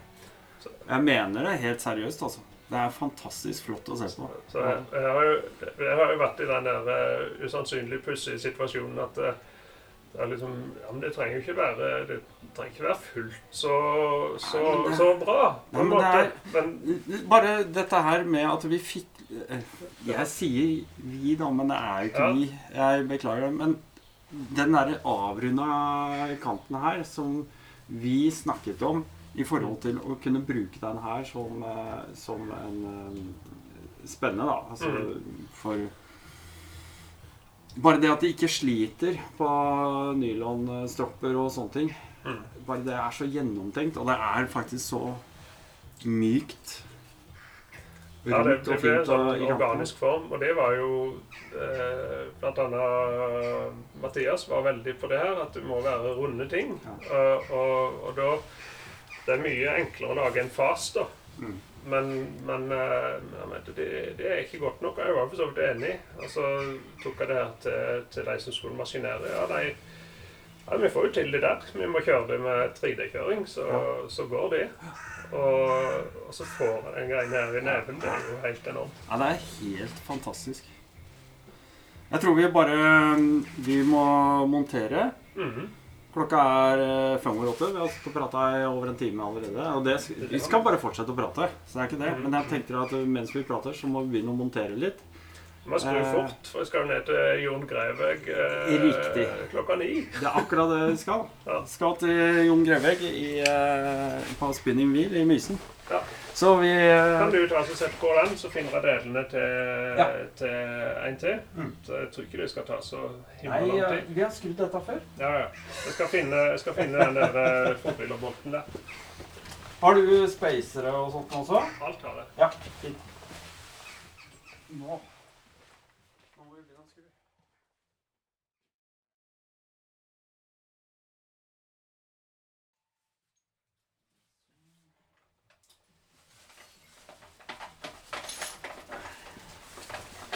Men du vet, det, det er jo fort å demontere nå, da, for at, eh, dette har begynt å ramle fra hverandre. Ja, det, det er ikke så rart, det. men Det er jo en Nei, men jeg har ikke giddet. Jeg har bare tenkt det som faller av, det faller av. Og alle delene som jeg har, de har jeg beholdt. Så alt som er ødelagt og vrak og sånn, det har jeg beholdt. Så det har jeg samla på. Fordi jeg tenkte at det kanskje er litt kult på et eller annet tidspunkt. Jeg ser historien eh, litt sånn offer, offerings to the god of speed eh, holder på med. det eh, Dette er en stor dag. Ja, det er verdens første montasje. Og jeg tror, jeg tror egentlig at eh, fra min side så er i hvert fall to, om ikke flere, som, eh, som skal ha det produktet her. Det Så du kan egentlig, det kan du egentlig bare legge igjen i garasjen med en gang. Så kan, du, kan jeg bare sende dem med faktura, gi dem fakturaen med en gang. Ja, det er smart. Det er jo litt gøy, syns jeg, da, at uh, tilfeldigvis så var det Rolling Stones og Start Me Up.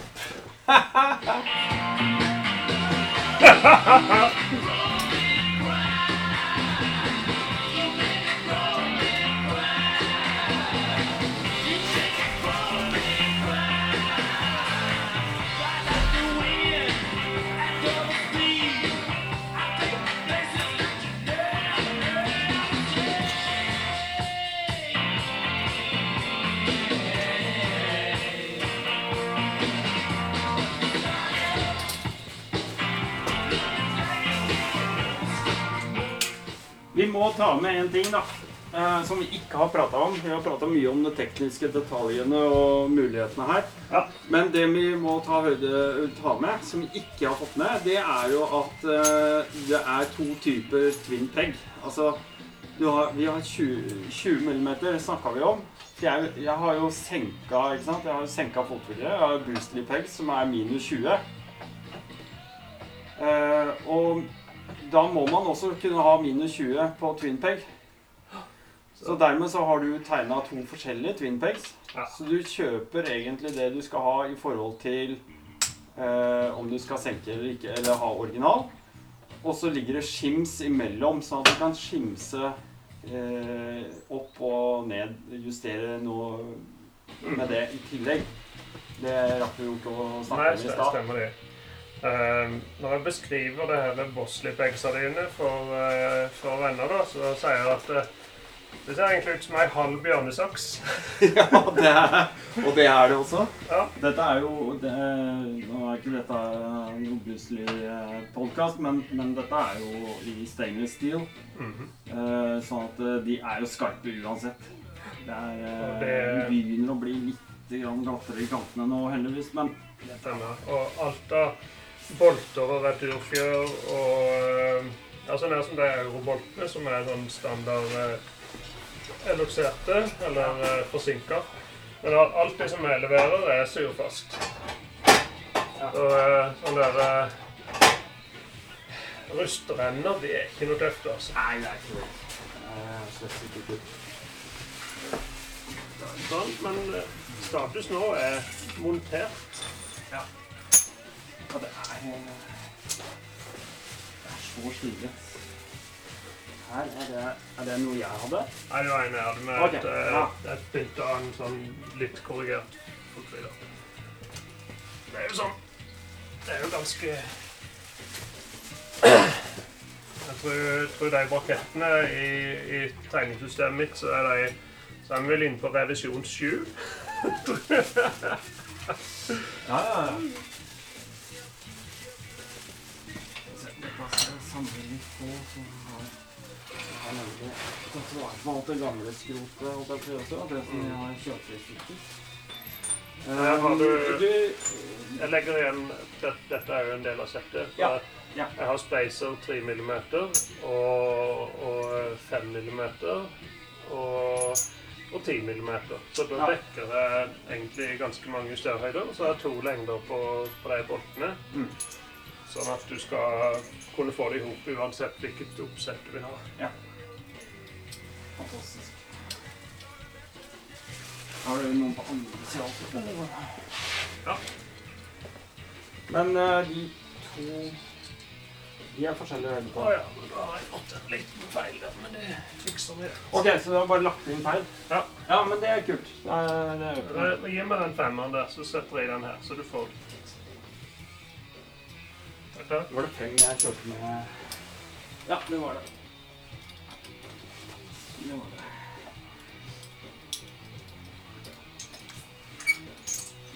Jeg ikke miste.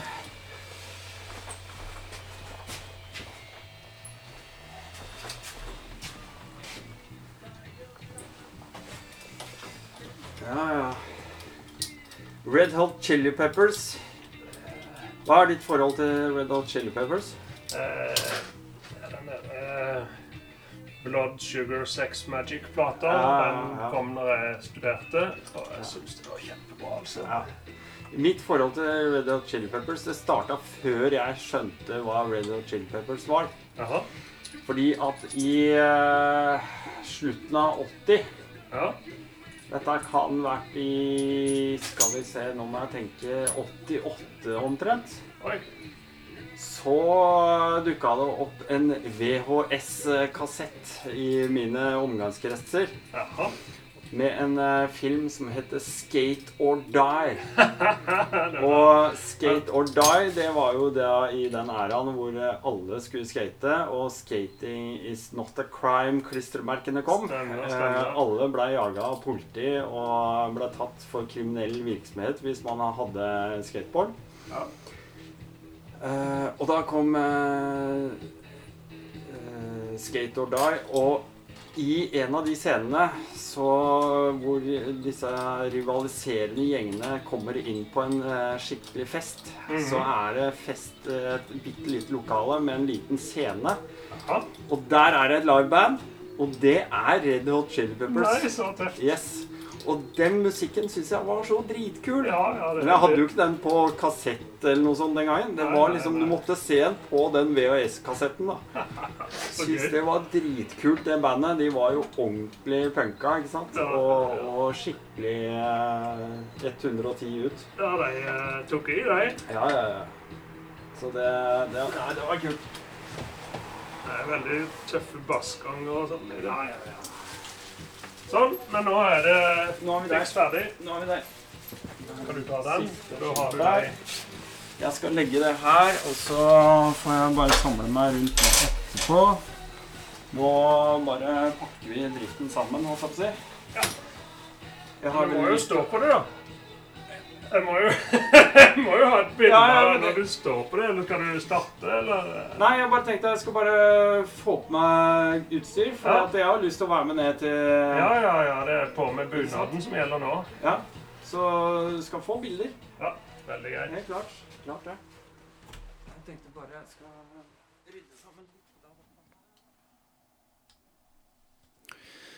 Ja, så mens jeg eh, bare reiser meg opp i salen, som det heter, og steller meg opp på mine twinpegs, Pegs, så tar vi og kjører nedover eh, til eh, Mysen. Eh, Da Kai Ingvald i sin eh, gründeranode, får man jo kalle det.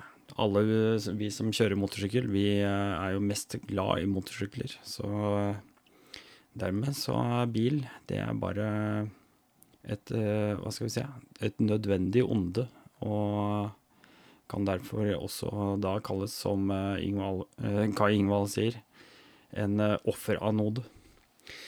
Vel, det er litt spøk til side.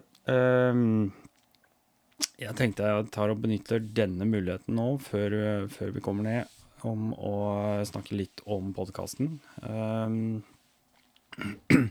Dette her er jo selvfølgelig da en eh, lavoktan podkast, som eh, de fleste har fått med seg, som har hørt dette før. Dette gjør jeg fordi jeg syns det er moro, eh, men moroa koster også lite grann, for min del. Det er jo ting jeg betaler. Alle mulige abonnementer, tjenester, for å ha dette løpende. For å kunne laste opp, og for å betale for lagring, og så videre og så. Det koster penger. Eh, samme gjør utstyret. Eh, jeg føler at jeg har egentlig bare dekka et, eh, skal vi se, et basalt behov for utstyr eh, for å komme i gang med det her, men det er allikevel en del tusenlapper som skal til. Det er jo utgifter som man har lagt ned her. Eh, og derfor så har jeg også brukt litt tid på å sette opp en eh, sånn type patron-account, som det heter. Eh, og det eh, Det bringer lite grann tilbake i kassen.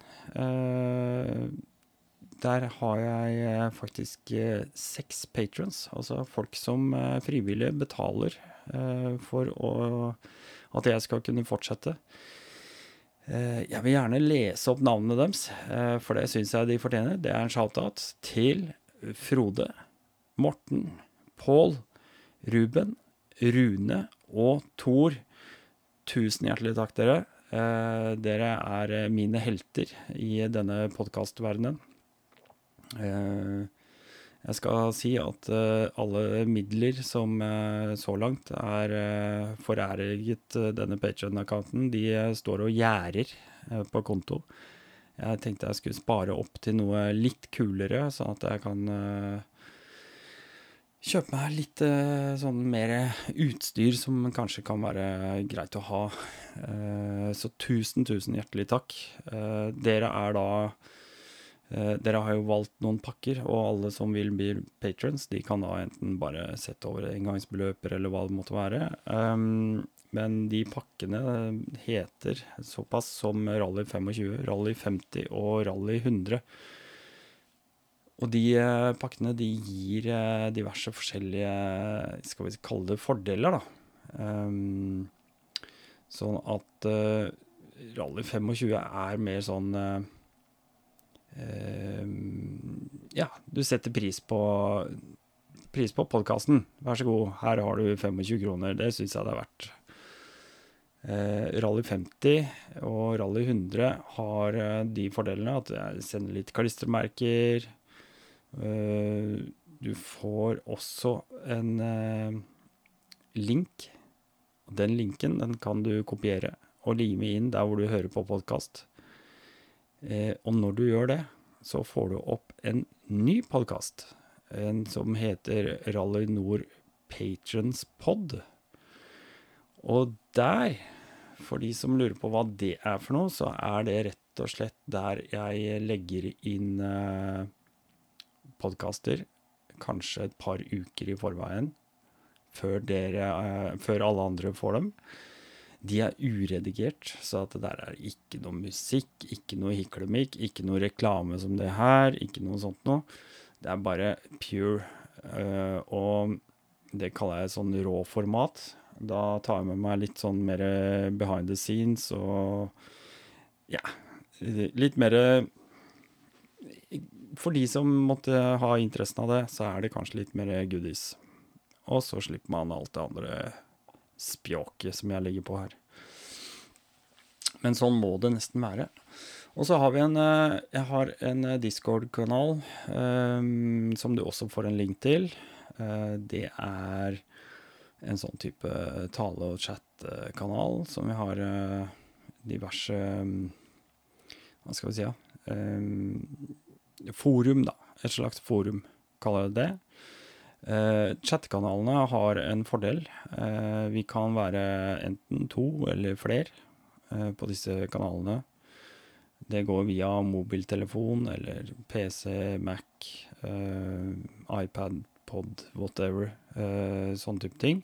Men det geniale med det, det er at vi kan også, når vi er på tur, så kan vi koble oss sammen. Så du trenger egentlig bare et headset fra telefonen din og opp i hjelmen, og en mikrofon. Så kan dere holde kontakten. I alle fall der hvor det er mobildekning.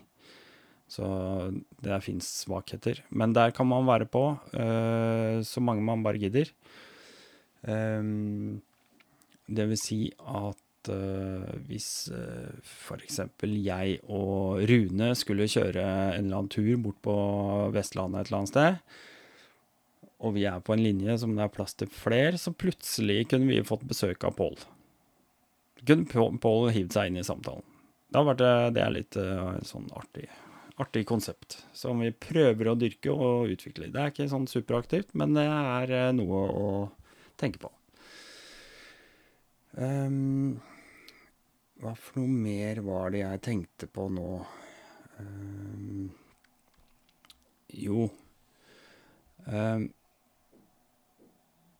Når det gjelder akkurat denne episoden her med Twin Pegs, eh, som dere forstår Jeg, jeg eh, eller må forstå og vite, det er at jeg tjener ikke penger på Twin Pegs.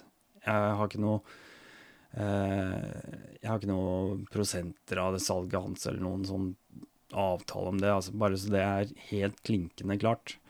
Eh, ofte så er, plumper jeg ut med å bruke ord som 'vi' og sånne ting, og det er litt sånn Det er jo feil og misvisende, men samtidig så er jeg Jeg føler meg veldig sånn personlig knytta til selve produktet. Jeg syns det er veldig hyggelig og veldig kult å ha vært med på det, fordi at det er det er noe nytt og, og, og nyskapende. Eh, det jeg har fått ut av det, eh, helt ærlig talt, det er eh, et veldig hyggelig vennskap med Kai Ingvald, ja. Eh, men jeg har jo selvfølgelig fått et ferdig produkt. Eh, sånn at det, det, det Mer enn det skulle ikke jeg forlange heller. Jeg er ikke ute etter det. Så så for dere, dere som tror at jeg er litt sånn upartisk, ja, OK, jeg er kanskje upartisk, men ja, take it as it is. OK? Um, jeg håper fortsatt at uh, du liker podkasten. Spre det glade budskap, det er viktig. Spre, spre, spre. Dele, dele, dele.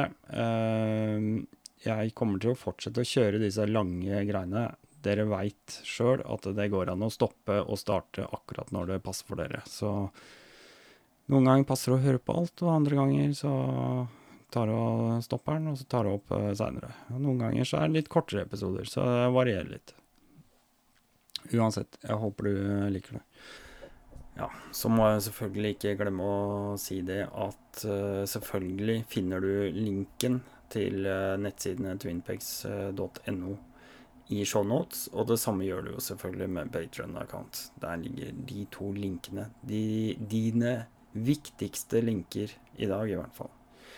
Ehm, fordi eh, de som har lyttet litt og skjønt dette, så snakker vi jo veldig mye nå om dette produktet fordi at dette her er lagd spesifikt eh, for eh, 690 og 701.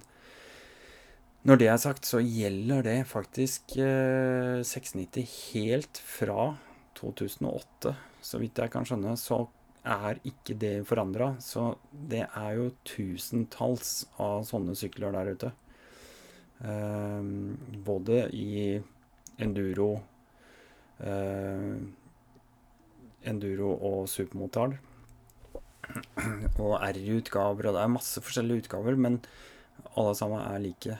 Uh, Så dette er, uh, er såkalt one size fits all 690-701. Um, jeg vet ikke om det kom helt fram. Men for de som er, eh, har lytta litt, så hører dere også det at det ligger andre spennende ting på trappene. Uh, Tenere 700. Det Veit vi ikke helt hvordan det ligger an. Jeg spurte den ikke ordentlig om det, men det kommer. Så her er det bare å følge med. OK, nå prøver vi å kjøre videre. Åh, da har vi akkurat kommet fram til Mysen. Nå står gutta og prater litt borte ved sykkelen min. Får vi høre hva de har å si.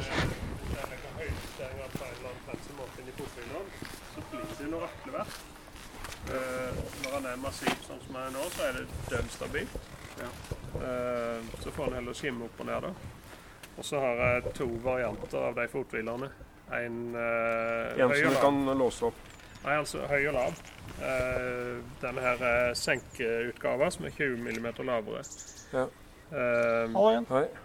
jeg hadde jo det der med å låse opp uh, tidligere, og prøvde det på en Kjerko 300 som en kamerat av meg kjørte løp med. Mm. Og, eh, og så han sa at vet du noe, de greiene kan du egentlig bare kappe vekk. For eh, han hadde det aldri oppe. Alltid nede. Eh, og, eh, for da hadde jeg laga en, en arm som gikk bak med magnet på. Ja. Sånn at, eh, at du kunne bare sparke den inn, så sto han på den magneten. Ja. Så kunne du sparke den ut når du ville ha den. da. Ja. Men greia var at han sparka den aldri inn. Så, så, men det som han kom med, da, det var det at eh, den trenger ikke være så himla lang, den bak. Uh, Ja, det er sant. For da er den bare i veien. Ja, det er akkurat det. Så, så det var, som han sa, den er litt lang, da. Så sa jeg til ham jøss navn, kapp av det som skal bort. Det er Ja. bare å fyre i gang vinkelslipperen. Og så gjorde jeg tilsvarende kapp på den uh, VR-en min, som er liksom testbenken, da. Og, eh, og jeg kjente jo at eh, jeg har ikke mista noe nå. Men det var jo sånn Få litt mer plass til beina hvis du skal padle eller et eller annet. Da. Mm. Ja, for han trenger ikke å være lenger ut, og han trenger ikke å være lenger tilbake. Det, og det var jo en ting som jeg lærte i forhold til de settet som du hadde. Det var at, eh, For da hadde jeg mer høyere Mm. Avstand. Ja. Eh, Men konsekvensen av det var at jeg ble, jeg, folk sa det til meg, jeg merka det sjøl òg, at jeg ble liksom lurt til å stå for langt bak. ja, ja, ja. Og da, eh, da dekka jeg ikke Mm. Så, eh, så jeg har liksom funnet ut at den spacinga som er her, det er på en måte en sånn sweet spot mellom, eh, mellom kontroll og balanse. Mm. For, eh, for du har liksom Du har balansen der, og, og du har eh, Når du vekter den bak, da, det er jo bare å flytte vekk, bare vippe opp på hælen, så har du flytta tyngdepunktet ditt 10 cm bakover. Mm. Eller det er jo ikke tyngdepunkt, men der krafta går inn i sykkelen.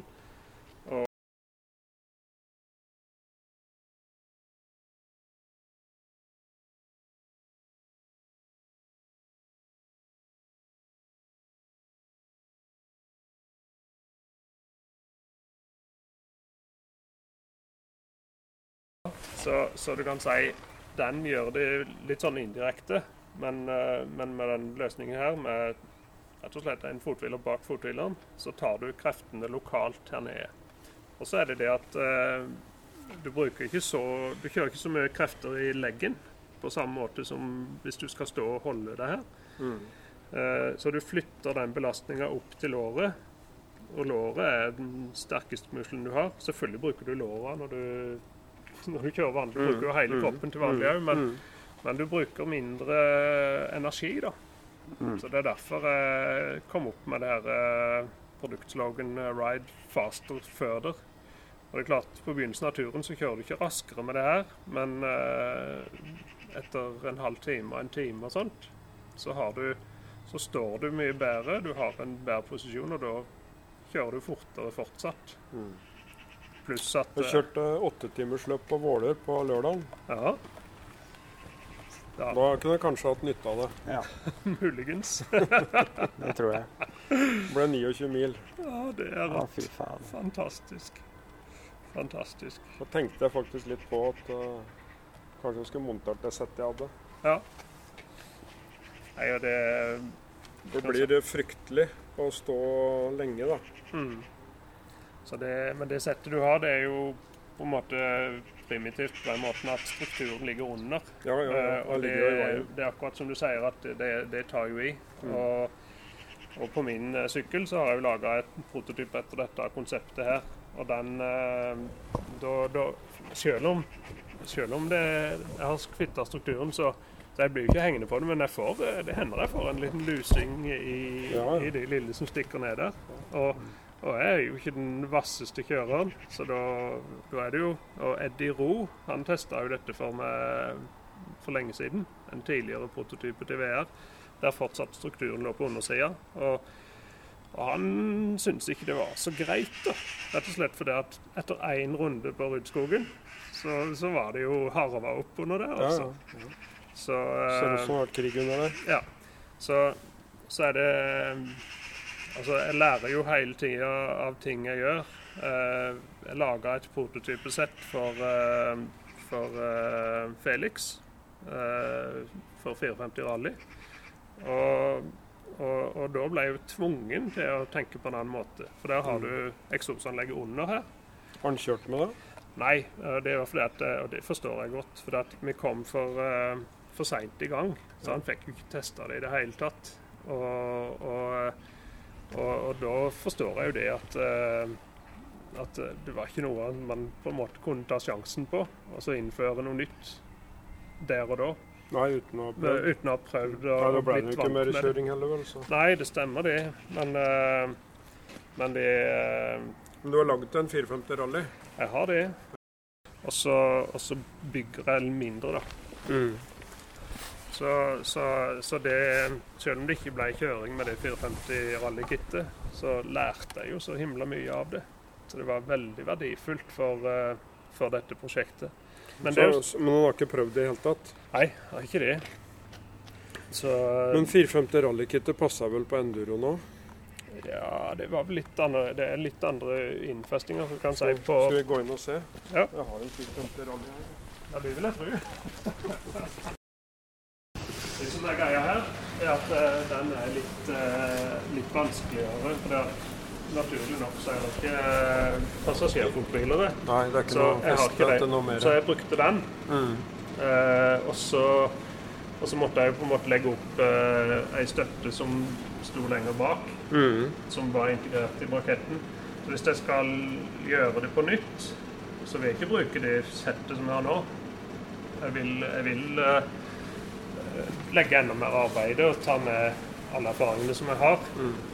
Men det som jeg kan gjøre nå, da, det, det er jo at jeg kan få sjansen til å teste det litt grundig på en 690 eh, Enduro. Mm. Og så, og så, så på en måte bruke den tida for å bli kjent med det. For det, de er jo selvfølgelig verdens beste på å så- å så kjøre med det konseptet her.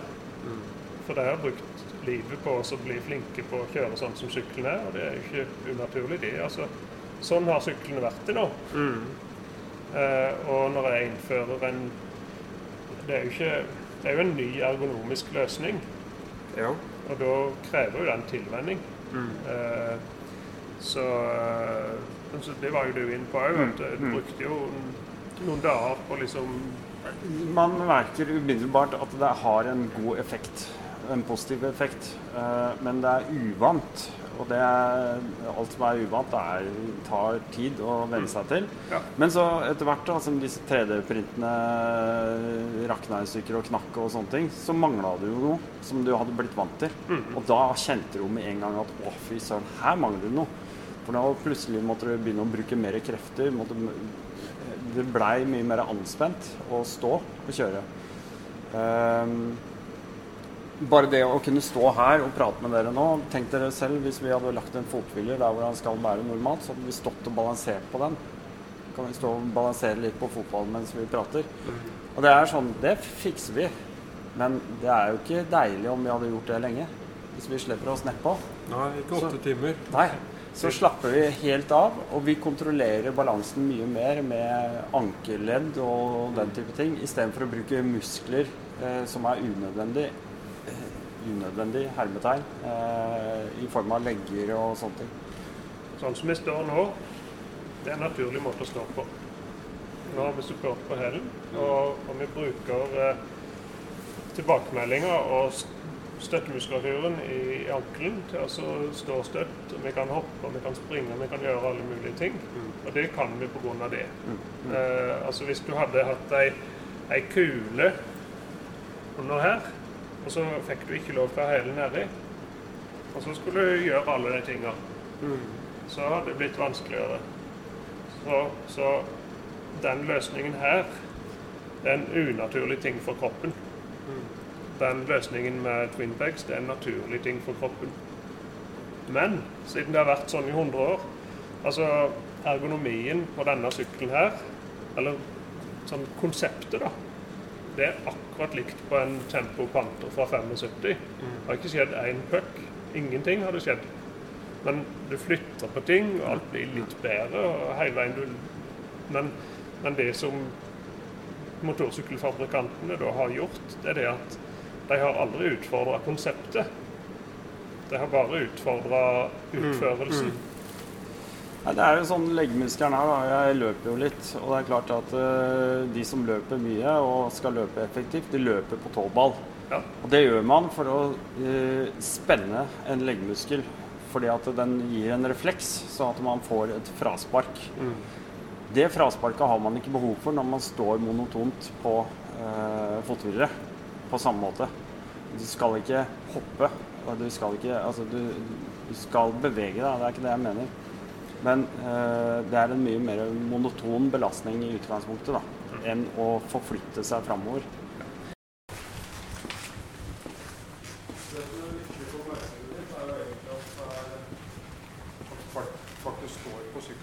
Ja, det er den viktig. For det er, kjøper du kjøper dette til en sykkel som du sitter mye, så har du ikke noe behov for det. Nei, eh, ikke sånn direkte. Altså, du har behov du, har ikke, du klarer det helt fint uten. Det er behagelig å reise og stå på. En kamerat av meg, han, eh, han eh, kjørte Bjul Ulysses. Jeg laga et prototypesett til han. Ikke pga. de voldsomme kommersielle mulighetene i Bjul Ulysses, men han skulle kjøre fra Rio de Janeiro og så opp til Prudhoe Bay i Alaska. Og i, I tillegg så kryssa han litt rundt fra stat til stat. Og så når du da er kommet til Prudhoe Bay, hva skal du gjøre? Du må hjem igjen, da. Så da, da kjørte han ned igjen til Florida. Han kjørte sånn 90-100 mil til dagen. Dag etter dag etter dag etter dag. Eh, og da satte jo han veldig pris på det at han, at han kunne stå og avlaste når som helst. For å ikke få en monoton belastning på, på kroppen. Så for, for uh, langturfolket så har det faktisk en effekt uh, på den måten. Vi kan du ta det. Når vi kjørte hit nå fra Ski, så fikk jeg jo Vi monterte jo det før vi kjørte, og det er klart Jeg reiser meg jo med en gang vi kjører fra garasjen, og står jo hele veien hit. Men da har du jo 100-veier, da. 100-110. Og det er jo ikke noe problem for meg da å bare slippe rattet og hvile. Jeg, kan, jeg, altså, jeg må holde gassen, da, for jeg har ikke cruisekontroll. Men jeg kan bare lene meg på vinden og Ja, ha full ja. kontroll Ja, med ankelleddet. ikke sant? Jeg har jo ikke noe problem med å stå i den farta i det hele tatt. Så bare det i seg sjøl er jo et, en utfordring for noen da, når, når da står på vanlig knipe- fotball. Da må du krefter på å knipe knea, da. Har krefter på å knippe knea, og så noen som ikke helt finner balansen, kanskje klamrer seg litt fast. og- Eller at de flytter seg framover i fothvileren og kommer litt for nærme styret, sant? Du kan ha mer avstand til styret ditt når du står. Men jeg er ellers helt enig med deg, selvfølgelig. At det er de som reelt kjører grus, det er de som har eh, best betalt av de som har skilt på. Men, eh, men nå denne sesongen, han eh, kameraten min Kenneth Bang, han, eh, han ble jo gikk opp i eliteklassen i enduro. Og jeg laga et uh, Twinbags-kit til hans Beta 300 RR, prototype-kit. med Eh, fikk lånt et verksted av en kamerat. og så er ikke jeg god til å drive maskinering, men jeg har kjørt litt vinkelsliper, så det ble jo en fattigvannsmaskinering av Ja, ja. gamle biter jeg hadde. Men tingen er jo det at det funka for han. Eh, og det funka mer og mer dess mer han kjørte med det. Og han kjører alle løp med det nå. Han skrur ikke det av. Eh, så eh, Og sånn som Tyrleiken, da. Det er jo ikke rett fram langs en grusvei, det. Så, så, så jeg tenker jo faktisk at, at, at EXC-en er jo definitivt et marked. Men det er mer komplisert å lage til deg, og, og det koster så jæklig mye å ta et produkt fra Ja, for du har det Ja, det er akkurat det du har. Og, og på prototypene mine egne så har jeg jo løst det med å ja, Det var for så vidt det på det tidligste Ja, ja. kittet du hadde òg, at du flytta det bak. Og det Jeg må legge mye arbeid i å få det til å bli bra, da. Mm. Men det går absolutt an. Det er ikke konseptmessig umulig. Men det krever litt mer Det blir litt mer komplisert produksjon av fothvilene òg. For det at nå har jeg produsert Jeg må jo ha For å få det til å bli et Altså det, du kan jo lage hva som helst, men for å få det til å bli et produkt du kan selge, så er det jo pris er jo dønn viktig, da. Og da, da, da har jeg fått det til, sånn at jeg kan kjøre det på en fireakserfres. Jeg Mm. må ikke inn på fem, femakser. Eh, jeg tror det blir vanskelig å få til å maskinere den enduro-fothvileren, eller enduro-braketten, uten å innom femakseren. De drar på seg kost. Så, så må jeg finne en løsning på det, da. Du skal jo konkurrere mot det. Se om du får noe fra på nettet som du bare hekter på sånn. Ja, det, det, det gjør du. Og de, de, heter da- vel, de heter vel øh, nå, øh, Jeg har ikke prøvd det. Men Nei, nei. øh, Men hekte på, da hekter du det på den originale Bare på en? Sånn uh, triangel bak. På fothvileren, den eksisterende. Ja. Men da har du, det var vi inne på i sted, da har du eh, eh, en svakhet. For da, da har du plutselig et vridningspunkt da, i den fothvileren. Her sånn har du en egen brakett som er festa i ramma. Altså Du får belastninga rett i ramma. Ja, Ja, ja, du får den ikke ja. i på Nei, du får den. ikke i feste i fothvileren. Og så er det jo det at det at du har individuell fjæring av det her fothvilerne, så det, der finnes jo et produkt som heter Fastway uh, Air EXT, altså Mm. Extended, og, og en fothviler og så en tapp ned. Ja. Uh, og, og det de markedsfører det på, det er ankelsaver. Mm. Altså når du overhopper eller et eller annet, og Uh, altså du lander på en sånn måte at den leggen som kan ta det, fins ikke. Ja. Eh, da kan du rasere ankelen, da. Så, så den skal fange opp hælen. ja. For at du ikke skal vippe den Ja, sånn. ikke sant? Nettopp. Men, men det er jo han har sagt mye mer robust på twinpegs. Mm. Eh, også på endurosyklene, det er jo en fin ting med endurosyklene. Alle sammen er ganske likt. Eh, altså Svingarmsinnfestinga er veldig nærme til fothvilerne. Mm. Og, og svingarmsbolten er hol. Mm. Og da bruker jeg den så jeg har et strekkstag igjennom der. Sånn har det vært på alle jeg lager, altså til Beta og Kjerko Mm, mm. og Yamaha. Og da, da, da, da som, som man sier, da, legger du ikke all den lasta i, eh, i eh, den originale fothvilerinnfestinga. Du, du tar det en annen plass, og det blir Mm. mer solid. Ja, 690 er nok et av de markedene som kan være store. Mm. Og, og 890-ene, tror jeg. Mm. 790-890. Ja, Det tror jeg. så eh, men, De eh, kjører jo langt og lenge, og da er det fint å avlaste og stå. Ja. Ellers så kjører du ikke langt og lenge. Nei, nei, nei. nei. Så jeg har laga et prototypekit til, til 1090 nå, men, eh, men, men jeg må legge mer arbeid i de, eh, de Den selges jo ikke lenger, da. Mhm. Den selges jo ikke lenger. Nei, det, det gjør den heller ikke. Den passer vel til 1290 og hvis den passer til 1090. Ja, ja.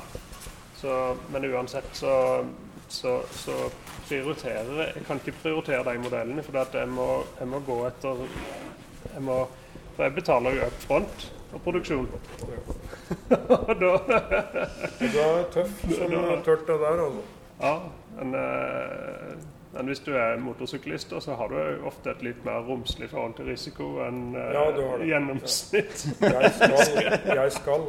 Jeg skal, jeg vil, og, og det vil jeg, og det vil jeg nå. Og jeg er ikke innstilt på å gi meg. Og den holdninga må du veldig, veldig mye ha når du holder på med det jeg gjør. Ja, ja. For det er jo sånn, det er jo sånn sett en form for økonomisk ekstremsport. Det er økonomisk ekstremsport.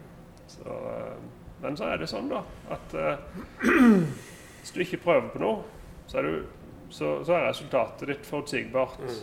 og forutsigbarhet er jo mange glad i, men resultatet er 100% sikkert å bli null. Og det er jo ikke et resultat jeg ønsker. Så BMW-prosjektet, det, det er ruller det er jo fortsatt i salg. Ja. Uh, og de som kjører på det, lovpriser det. Ja. Men det har ikke blitt mote. Nei. Og når de ikke er mote i Disse kallene sitter vel mest da. Ja, det er jo de som er. øh, men sånn som De står bare på bilder. Ja. Det, det, eh, eh, Ja, det har du nok rett i. men, men jeg har solgt til Jeg har noen kunder i Australia, og Ja. de bruker jo eh, kapasiteten øh, fullt ut. da. Som en kar som eh, Der har du jo spesielle kjøreforhold. da. Ja, ja, ja, selvfølgelig. Han, eh, han kjørte eh, Hadde en langtur i, i Outback da, på 8000 km. Han, eh, han skrur ikke av i en Twin Nei, det gjør han ikke. Det kan jeg det, si helt sikkert. og det er det ingen som gjør. Eh, og det gjelder, det gjelder kunder i USA og Skal vi gå og ta kaffe? Ja.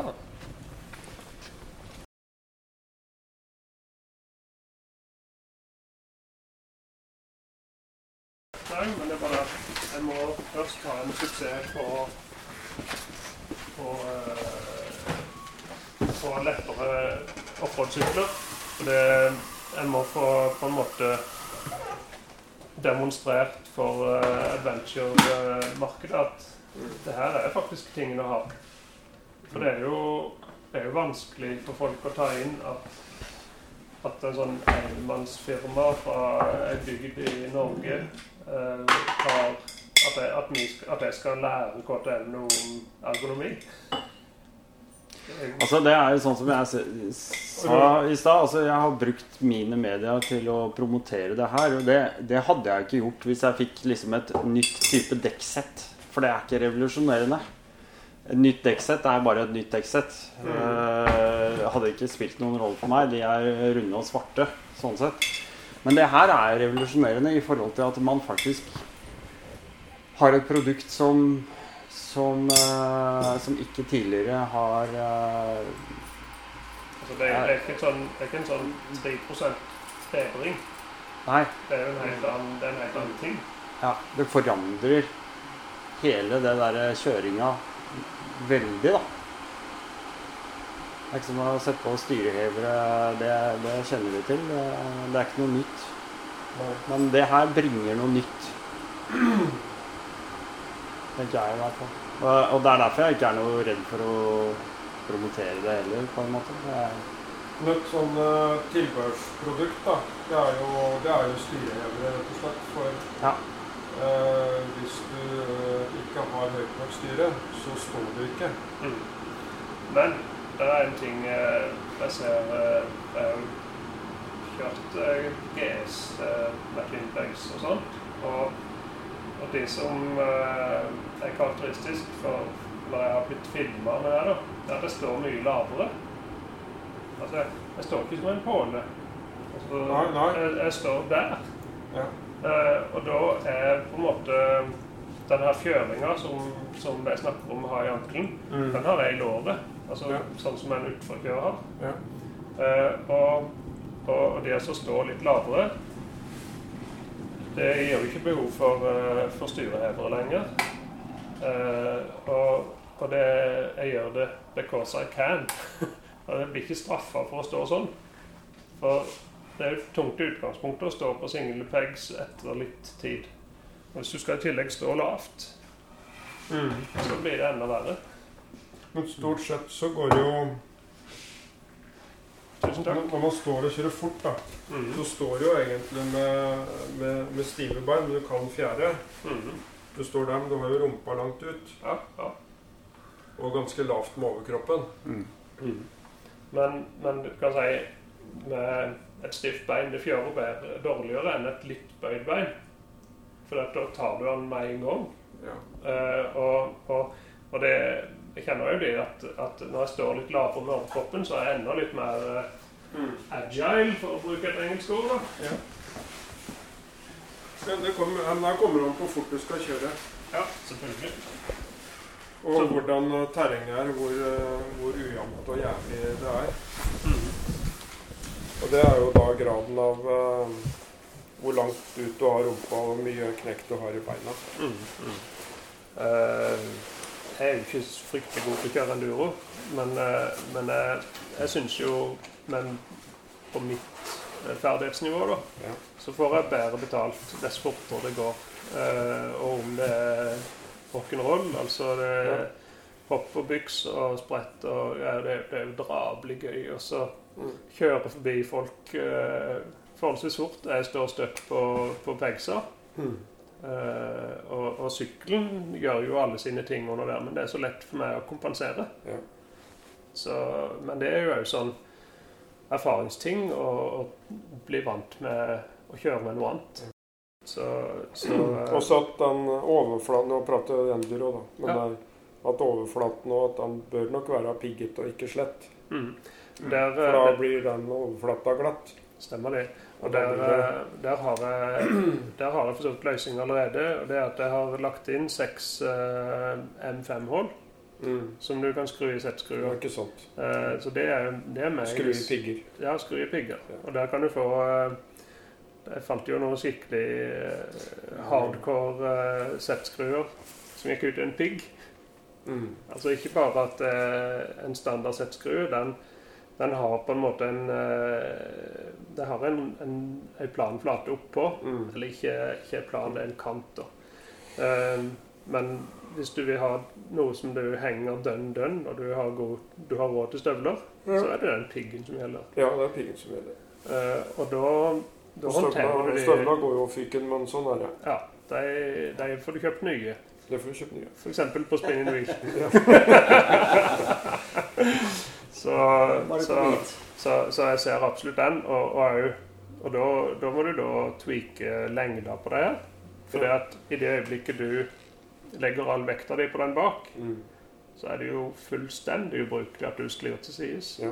Da skal du ha de piggene. Mm. Så jeg skal vise deg piggene etterpå. Mm. Og da eh, Jeg tror de, de har liksom en sånn Det er noe overbevisende overfor deg. Ja, jeg, jeg har sett, jeg har sett eh, settskruer i fotbiler før, men den der, den, eh, den var Jeg har jo, eh, jeg har jo brukt Altså Jeg går ikke på jernvarehandelen for å finne bolter til det produktet mitt.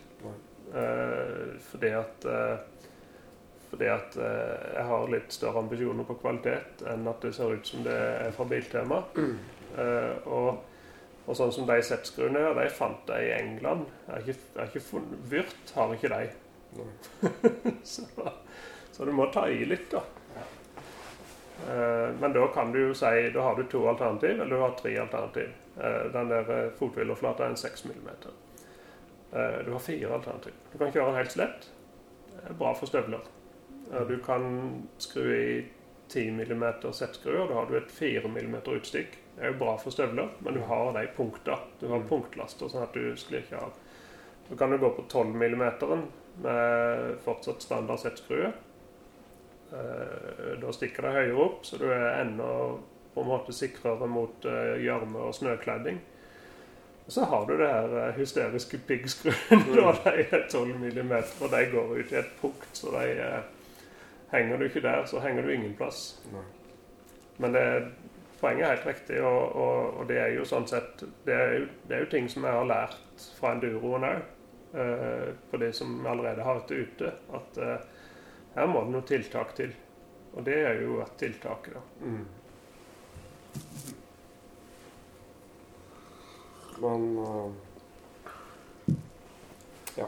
Det Men- var jo enduroen, da, så Men det, men, Men det største markedet er nok eh, er nok 690 og, adventure-sykler som blir og Adventure som brukes Uh, ja. Adventure, som brukes offroad. Det, det er helt klart. Uh, så, så, så det er dere det er der jeg bruker eh, ressursene mine nå.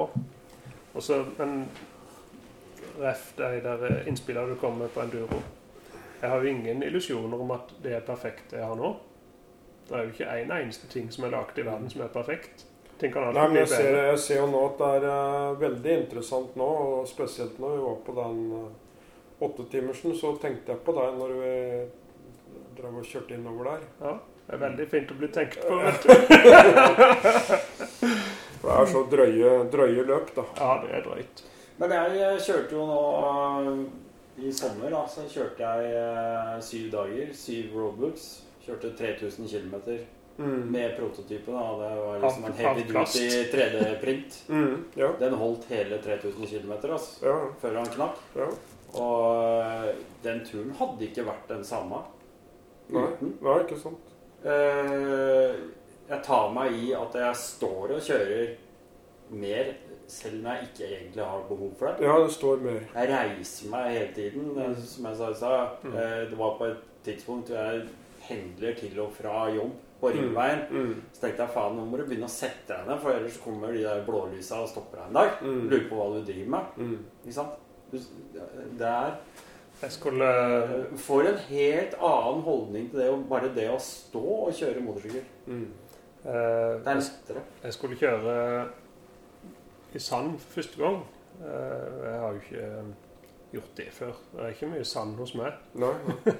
Så vi skulle kjøre et enduroløp i Danmark. Mm. Eh, og der er det mye sand. Og jeg tenkte jeg må jo trene, da. Så what to do? Nei, så, så får jeg jo hvite skilt på den eh, 250-en min. Og jeg, jeg, har, jeg har fire mil arbeidsvei. Mm. Så da, eh, da begynte jeg å stå fra tunet til jobb, og så fra jobb og hjem igjen. Dag etter dag. Så jeg flirte litt med tanke på at de som jeg kjørte forbi, da Hvem er den her rare mannen ja, på den gule motorsykkelen? Ja, ja, Men, men det, tingen er at det kosta jo ingenting. Nei. Det hadde kosta noe hvis det ikke hadde vært Winpegsa på. Mm. Da, da hadde åtte mil til dagen Mm. eh, fem dager etter en annen kosta noe. Ja. Det er akkurat det. Så da, nå er egentlig det kon konseptet med å kjøpe sånne eh, komfortseter og sånn, det er borte. Det kan du bare kaste. Du trenger ikke kjøpe komfortseter, du kan bare kjøpe Twinpegs. Det er, ja, ikke sant. det er min Den beste salen du får kjøpt, er Twin Pegs. Ja. Men, eh, men du kan jo selvfølgelig selge begge deler, da.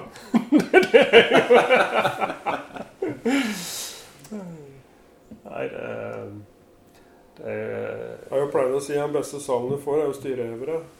Så Ja. får du sirkulasjon igjen i rumpa. Ja, ikke sant? Så driter du i den komfortsalen. Ja, Men, men er ditt inntrykk Det er bare et sånt spørsmål, du som selger dette. Men jeg tenker, er inntrykket at folk går først og fremst og kjøper styrehevere istedenfor å senke fothvilene sine?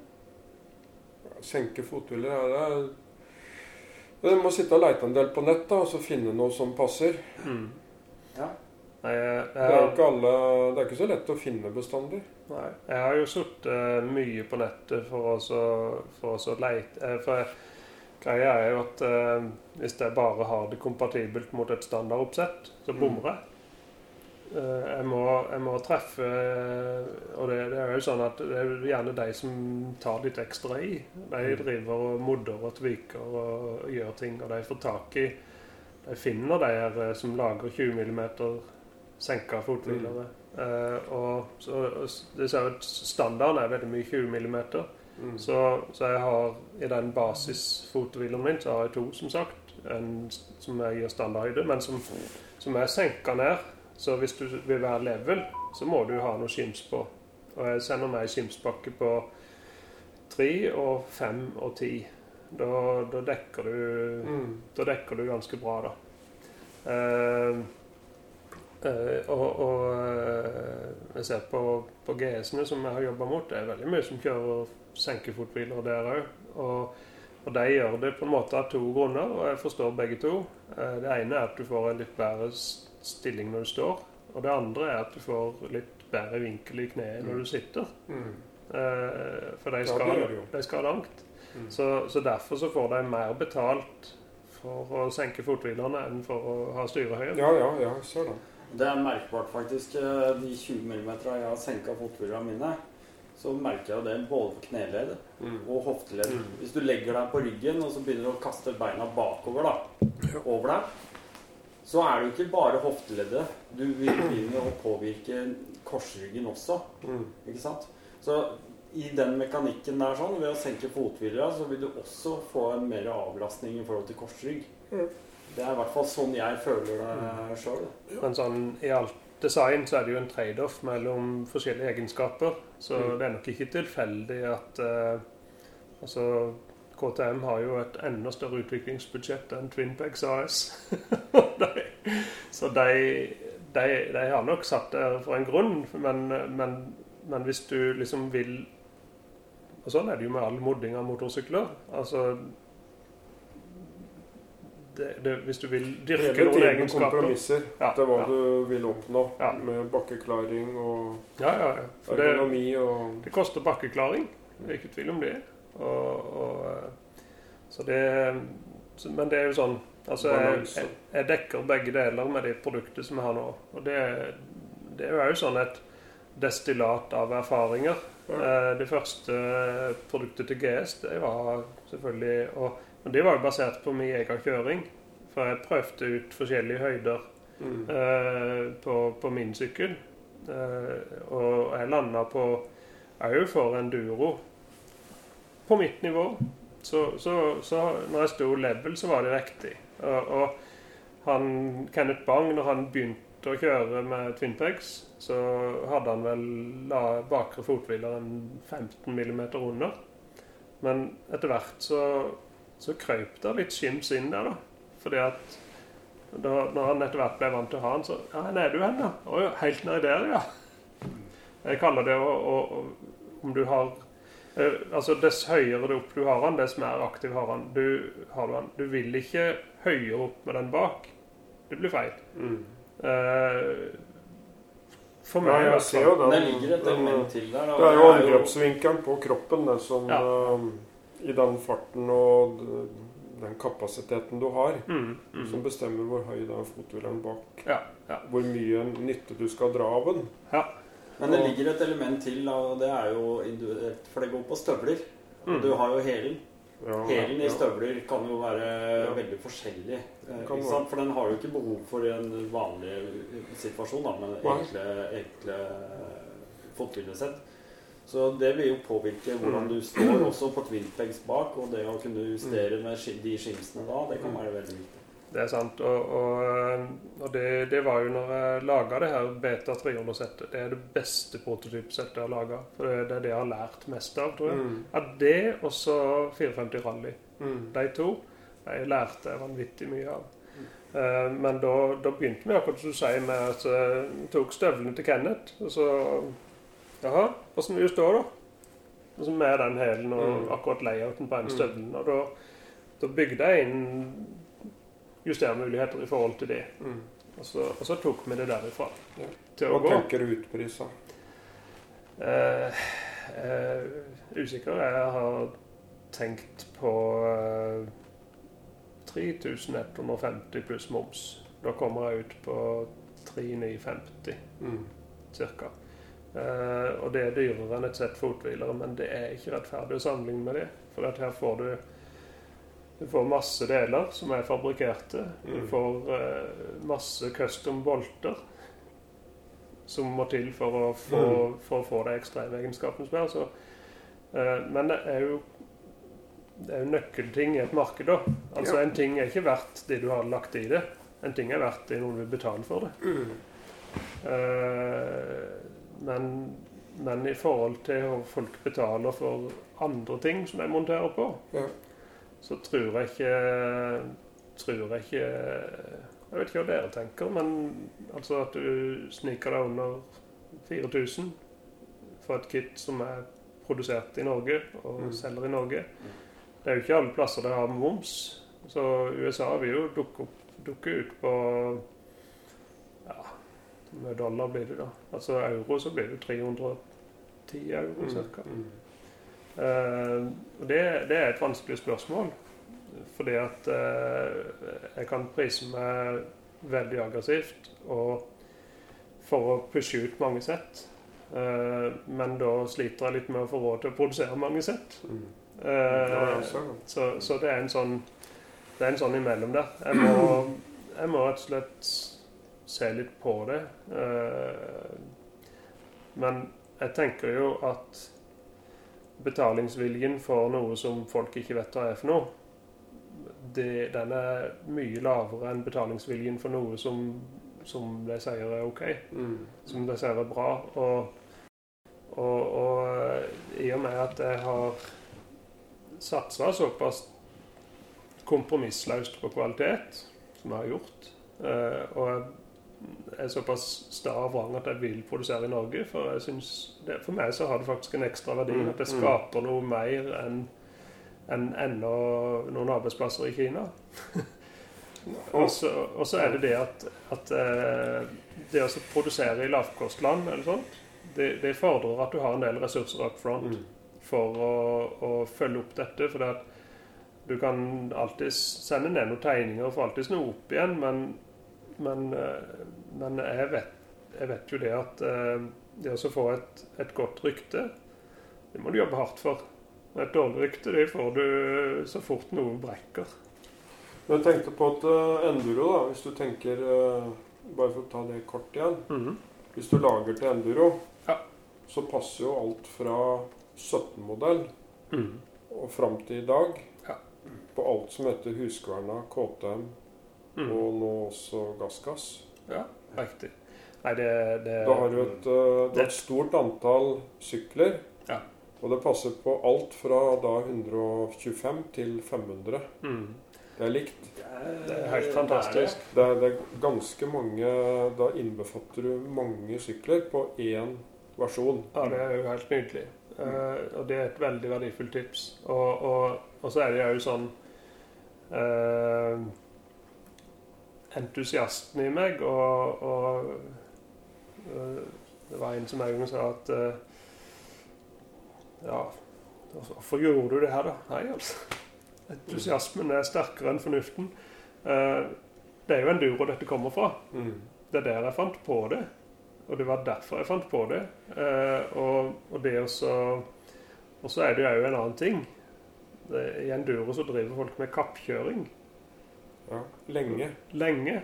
Og, men det å levere produkter til noen som driver kappkjøring For det første krever de mer, og for det andre så er det drabelig gøy, da. Mm. Og, og så, så det der eh, Det produktet som du beskriver, det skal jeg definitivt lage. Så, så eh, Ja. Da er det bare å gå rundt hjørnet der. Ja, stemmer. Men så er det jo så er det jo- Venstre nå, så blir det bra. Venstre nå, så blir det bra. Så er det en annen ting. Eh, og det at jeg jo Jeg tenkte jo selvfølgelig på dette produktet her i fjor. Eh, jeg har visst om at det er noe som heter 690, og som er en viktig modell. Mm. Men jeg er jo sjeleglad for at jeg ikke har lansert det, eller kommer til å lansere det før nå. Fordi Ja, for nå, nå, du har ikke løsningen før nå, egentlig. Nei, for jeg har, eh, den læringa som har vært i løpet av det siste året, Mm. den er jo helt umistelig for å, å få det til. Mm. Og pluss at vi har hatt en veldig fin prosess nå, fordi at jeg har eh, Dennis her, han hadde jeg kontakt med tidlig, og en, eh, en kar i, i Sveits, Mathias Pfannmüller, han tok kontakt med meg tidlig, og jeg har liksom pleid den kontakten. Og så har vi fått med en kar i Sør-Afrika som er en sånn eh, ja, veldig kunnskapsrik og respektert fyr, har jeg forstått, i Husqvarna Skyneline-miljøet. Eh, og også en kar fra New Jersey, Isaac J. Cohen, eh, som er jo en erfaren kjører. Mm. Mm. Eh, og det er jo selvfølgelig mange som er erfarne kjørere. Det er jo litt sånn tilfeldigheter at jeg fikk med de her gjengen der. Men vi har hatt en Messenger-gruppe, og så har eh, og så har jeg lansert det jeg tror er løsningen. Og så får jeg tilbake at eh, ja, men er det kompatibel med den bagasjeløsningen, og har du tenkt på det, og sånn og sånn.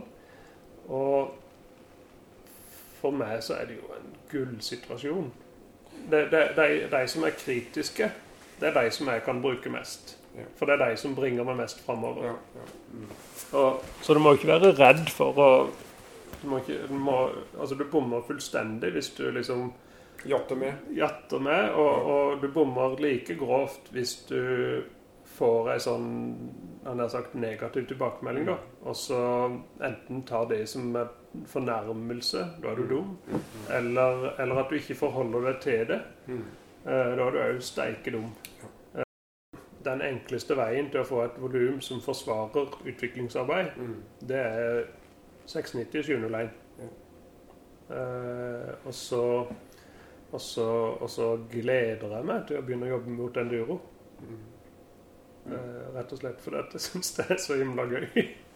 Jeg har nok ikke sett på, før jeg så løsningen din nå, altså så har jeg ikke sett på Enduro som så veldig potensielt.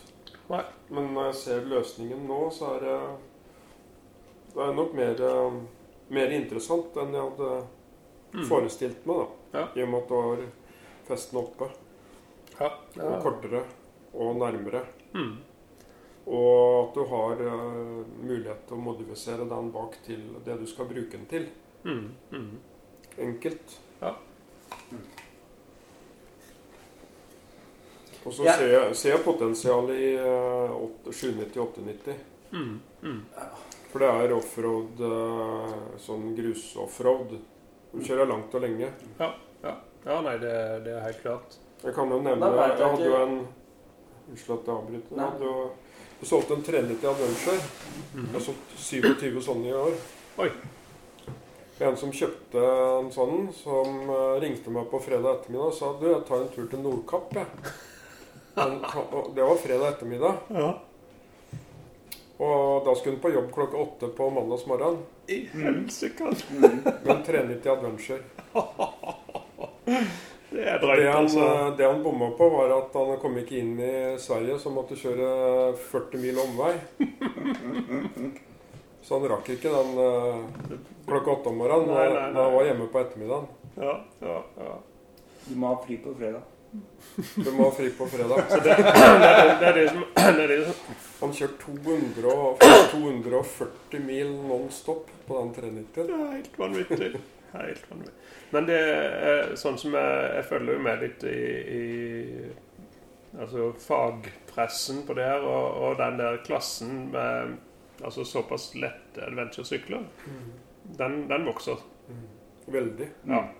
Det var det jeg Eh, tenkte jeg skulle fortelle. Ja. At det er, eh, det er helt enormt, og den, sånne modeller selger. ja, ja, nettopp. Uh, Kjempevolum. Men mm. tilbake til 890. Um, kan jo hende, jeg vet ikke, men uh, Norden 901 Mm. som uh, kommer, Ja. kan hende at den har samme rammespekken. Det har nok helt sikkert. Ja. Det er nok helt Så da kan det være at du faktisk eh, har en uh, flue til der. Mm. Ja, ja, ja, absolutt. Og de kjører eh, langt og lenge. Mm. Det er denne offroad turingklubb og Ja. Mm. gjengen der. Ja. Mm. Faen de holder på. Mm, mm. Eh, fælt å si det i dette lokalet, men eh, det er en modell som heter Yamaha Tenere 700, som, som det jo selges mange av. Ja, ja, ja. Eh, og, og, og jeg har jo designa braketter til den, for den er, den er lett å montere på. Altså, Jeg har ikke tvika det helt til hennes, da, men, eh, men når eh, jeg hadde et sabla godt møte med, med produsenten min i går, Mm. Uh, og de uh, Vi ble jo enige om at de økonomiske realitetene det er at uh, det er at du må få det her 697-line-produktet til å gå. Ja. Den der Selv om jeg har standardisert bakre fothviler, så det er egentlig bare snakk om braketten, Mm. så er det fortsatt såpass kostbart eh, Bare sånn for å ta et tall, da.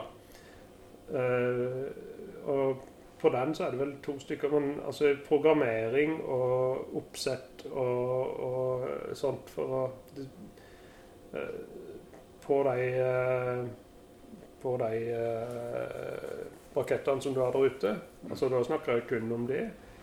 50 000 pluss moms, det, altså. Ja, ja. Jeg kjenner til eh, Så, så, så det Men, eh, men alt, alt drar riktig vei, da. mm. Eh, Det, det er mye bedre å selge to enn å selge én, og det er mye bedre å selge ti enn å selge to. Og, det, og, og, og jeg Jeg har veldig god tro på de produktene jeg har nå, altså. Eh, globalt, selvfølgelig. Ja. Eh, Jeg håper jo at, eh, at det er noen i dette landet som syns det er småkult at du kan kjøpe eh, motorsykkeldeler som er unike, og som er produsert i ja, Norge. ja. Eh, men det er ikke så viktig for folk. Det skjønner jeg òg. Det er Hvor mye koster det, og hvordan virker det? Det er jo eneste Mm. som betyr noe. Mm. Men eh, ja. tenker dere, da? Nei, jeg tenker altså, rett under 4000, er det salgbart? Ja, jeg tror at det er realistisk pris. Mm. Ja, kjør på. Mm. Jeg tenker også, altså, som, Hvis jeg skal se, ta det ut fra et forbrukerperspektiv da, jeg, Ja, ja. jeg har jo ikke noe fortjeneste jeg, jeg skal bare ha et produkt som jeg skal kjøpe til sykkelen min. Mm. Hvis vi tar utgangspunkt i hvor mye penger jeg har putta i den sykkelen allerede Mm. Det er sinnssykt mye penger Mm. som ligger inni der. Mm. Så er ikke dette mye. Eh, 4000 kroner. Men altså øh, Det som er, det som er greia med salg, da, er som jeg sa til deg i stad, eller det vet jo du alt om, det er det at eh, det er bare verdt det noen vil gi for det. Og, og i forhold til det her, så finnes det en eller annen sweet spot mellom Nei, er du gal? Ja, til helvete, jeg kjøper et bare. Mm. Uh, og den må du finne. Mm. For det at hvis for mange folk det, For mange folk detter ned på 'nei, er du gal', så, så flyter det ikke, da. Folk eks, eh, elsker jo sånne gadgets. Mhm. De gjør det. Og de handler som bare søren med utstyr Altså, og Hvis vi skal se forskjell, da, så tenker jeg sånn Ok, du kan eh, kjøpe et uh, rallykit da, til 25 000. Ja, ja. Okay? Men det forandrer et utseende. Kanskje det er det folk er ute etter når de gjør det. Ikke fordi at det funksjonen, de har bruk for funksjonen i seg sjøl, men de er interessert i å forandre utseendet. Mhm.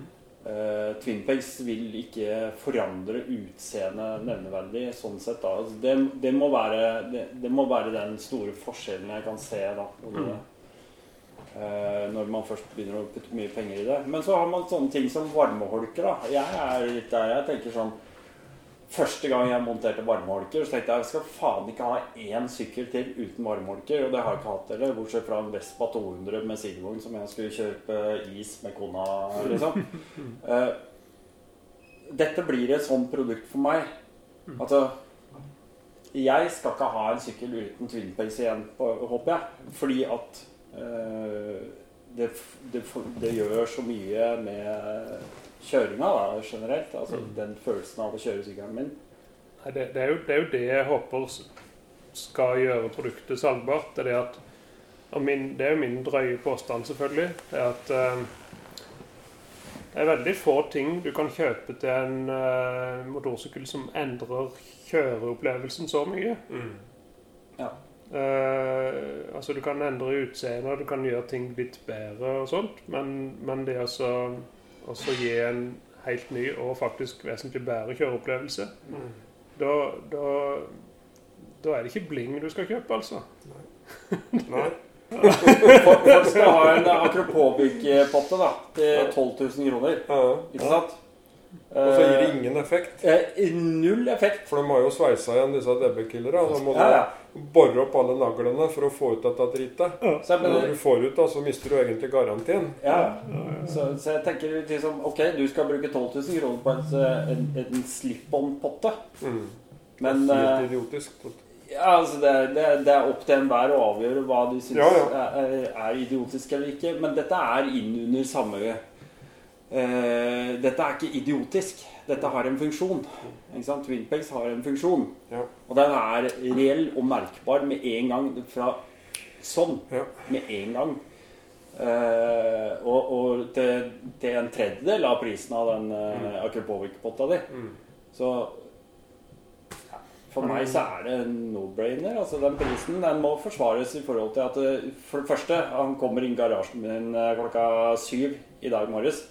Første jeg får, det er bare klask i hånda. Mm. Et produkt som jeg bare tar, føler og ser på som en, med en finish Mm. som jeg mener er helt upåklagelig.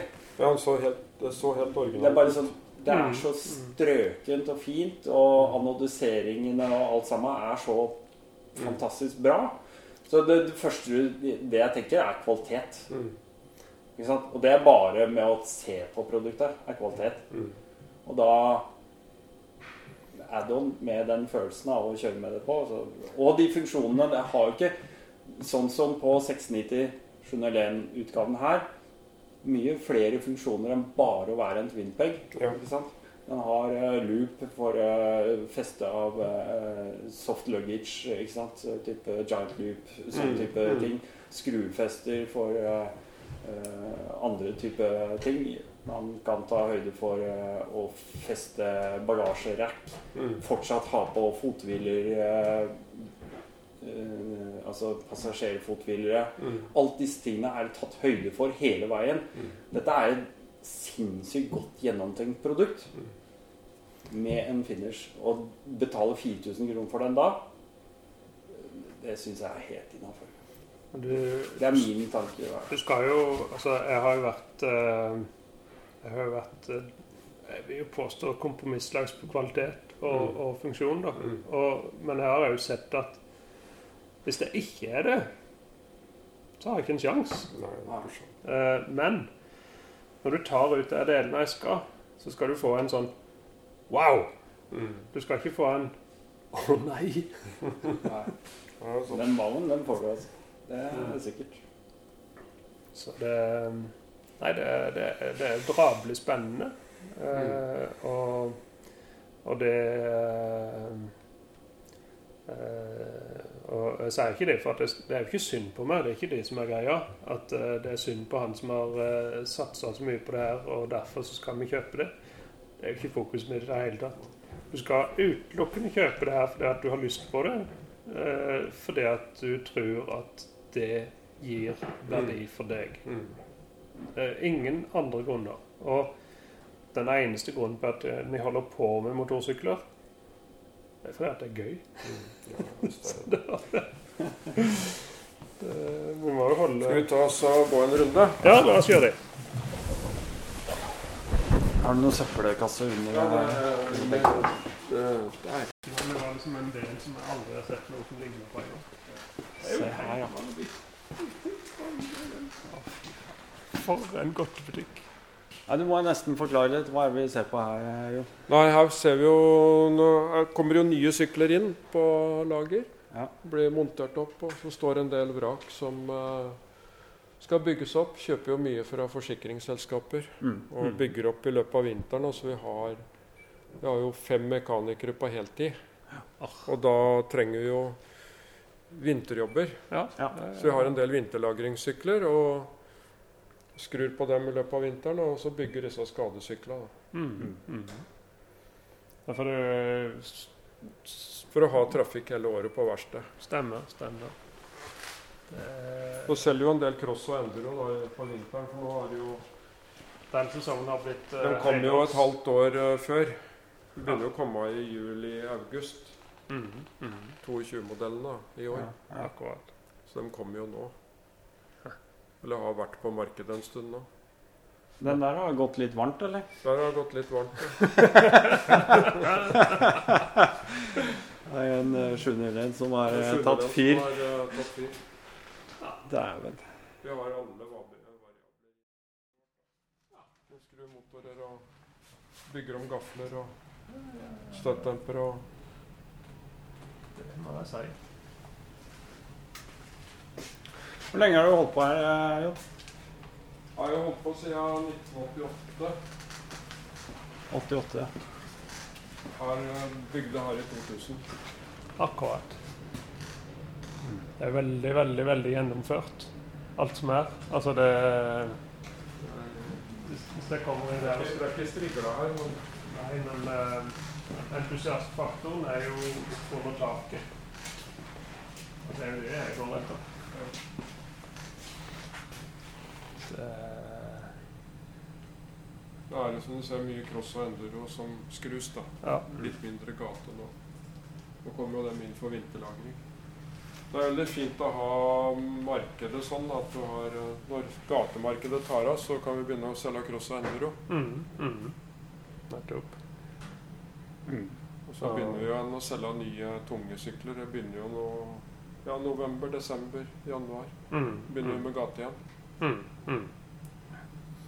Nei, ja, det Folk kjøper Altså, jeg syns det er fascinerende. Jeg trodde at motorsykkelsalget skulle eh, få en ganske drøy bit over dette forbaska viruset, men eh, det har jo ikke merka noe til. Nei, eh, Det har vi heller økt. Det Ja. har vært egentlig veldig bra. Jeg sier det samme i, på motorteknikk i Kristiansand. Eh,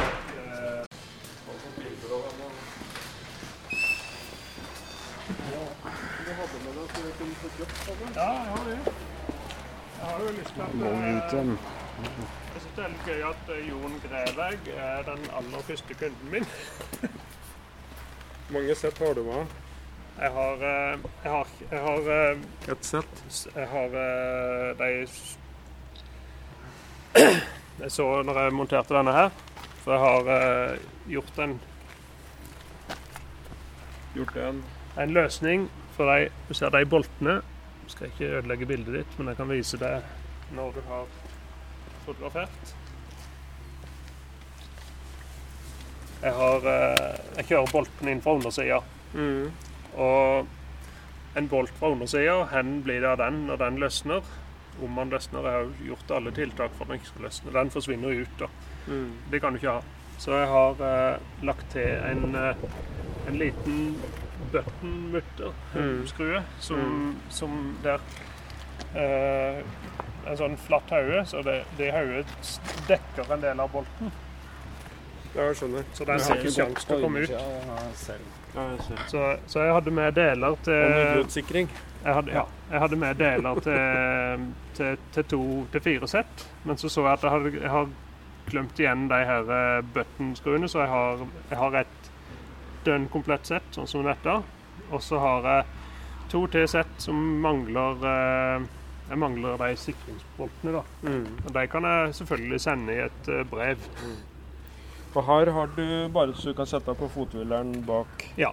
hestet. Ja. Bare ta bort hylsene. Stemmer det. Eller du, du tar deg ikke bort, du bytter deg ut med noen kortere. For det at de eh, I den støypen så, så har du en, eh, forsenking. ja. Eh, så, så de er tilpassa lengder på de, da. Men der kan du også bytte ut hylser som gjør at du får tilpassa brakettet. Til bagasjebrakett, f.eks. Mm. Mm. Eller du Da må du jo sånn sett For jeg, jeg, jeg, jeg kan ikke produsere de her på hver lengde, så da må du eh, gjerne kappe dem, da. Eller få, få noen til å dreie av. Mm. så du får akkurat lengda.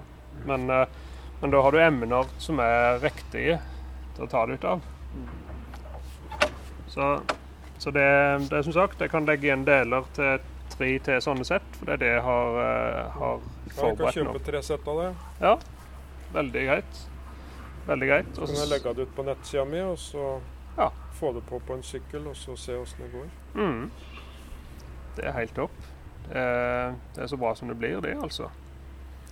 Eh, ja, det skal være Det skal være spot on. Det eneste som, som var, det var det at eh, jeg ser at den her uh, spaceren her, så hadde jeg litt for, uh, litt for trangt hull. Så jeg, jeg skrur igjennom den, det går. Men hvis du hadde dratt en, en, et 6 mm bår igjennom, Mm. så, så, så blir den spot on. Ja. Men det er i grunnen det som er feilen på dette her, da. Mm. Så det er jo ikke en alvorlig feil. Ja, den ble veldig neat eh, og fin. Takk for det. Det er eh, Så trenger du ikke den flappen, da. Sa du at du Du trenger ikke den flappen som er montert her. Nei da. Den, eh, for at du kan si dette her gir jo guidinga inn. Og, og jeg har eh, Hvis du ser eh, veldig nøye, så, så har jeg jo vinkla den flata. Eh, for for eh, jeg kan jo ikke se, la det se ut som det er laga av 2-4. Det ville vært billigere maskinering hvis det hadde den planen. Men Men eh, dårligere funksjon. Han ble skikkelig ivrig, han. han er entusiast eh, Enorm entusiast, må man si. Ja, det har vært eh, veldig gøy å jobbe med Kai Ingvald. Altså. Eh, Få lov til å være med på den reisen her. Og, Jeg håper han eh, lykkes. ja, det håper virkelig jeg òg. Det har han fortjent. Ja. Absolutt. Nå er det å treffe på riktige, riktige sykler òg. Ja, og jeg tror nok det, det han driver med nå, det er jo Det er det beste valget å Det er- komme i gang på. Ja. Hvis du feiler med det valget her, da Da er det ikke håp. Nei, det tror ikke jeg heller. Da kan du bare drite i det. Um, som du sier, 690 fra 2008 fram til i dag. Det har gått eh, 13, eh, snart 14 år. Uh, Uforandra. Det er ganske mange sykler der ute enda. Ja. Uh, Og still going. og still going, ja. Og um, det må være Det ser vel ikke ut som det blir noen endringer heller. Nei. eh, ikke som jeg veit, men det veit jo du mer enn meg. Men, eh, Nei, jeg veit ikke det, egentlig. men ja, hvorfor forandre på et uh, vinnende konsept? Er det ikke noen som sier det? Ja. Man trenger ikke finne opp hjulet på nytt. Nei. Alltid. Skal jeg bare gå inn til jakka mi? Jeg la igjen jakka mi bak her. Siden eh, samfunnet åpner opp, så kan vi se hva som kommer.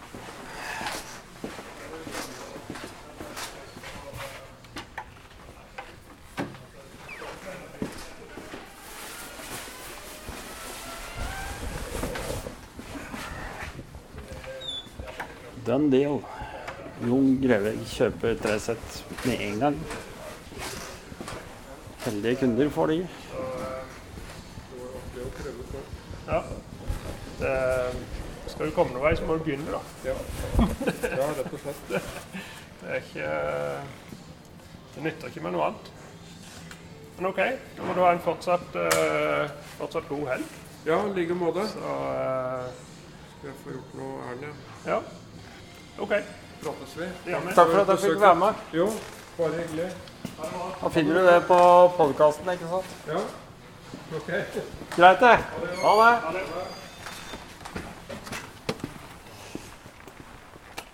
Ja, ja, ja. Faen, det var, eh, det var rått, vel. Ja, det var rått. Hæ? Jeg, OK, da. Jeg skal tilstå. Jeg gleder meg litt til å eh, ringe til kona og si dette. Tenk så tøff, tenk så tøff hun har vært, da. Ja, det må jo si det. Hun har jo vært helt rå. For det at eh, Jeg har sagt at eh, det her blir bra. Og det har jeg sagt i tre og et halvt år. Ja, Eh, og hun har stolt på meg. Og, og vi har Han da har brent noen hundre tusen lapper på prototyper og Ja. ting som ikke gikk sånn som det skulle gå. og sånt. Så, så, så, så kommer jeg til å si ja, vi må ta et valg her, da. Mm. Eh, enten så søker vi patenter i ja, USA, Europa, Canada og Australia. Mm. Den norske patenten har allerede. Mm. Men det altså, å ha patent i Norge det hjelper ikke noe spesielt mye i forhold til markedene rundt. Altså, det hjelper på en måte at ingen andre kan patentere det. Mm. Men, men jeg er jo ikke interessert i å ha lagt alt det arbeidet i dette her for at Turatec skal kunne konkurrere med meg på pris. Nei. Eh, jeg har jo valgt, lagt veldig mye inn på, på, på det at eh, altså du skal ha eh, Prøve å etablere Twinpegs som en merkevare. Mm. Mm. Eh, altså Kjøper du Twinpegs, så kjøper du originalen. Kjøper du en Krang, så har du kjøpt noe annet. Da har du kjøpt noe helt annet. Ikke det samme. Eh, og, og, og eh, den måten som på en måte demmer opp for det på, det er jo så være den kompromissløs på kvalitet. Ja. 100 Og det er uten tvil det er Så, så det er den eneste veien å gå, Ja. sånn som jeg ser det. Mhm. Nei, det er rått. Helt rått. Men det Det er grunn til å feire i dag. Hæ? tror jeg skal kjøpe meg en is. Jeg tror du skal kjøpe deg en is, ja.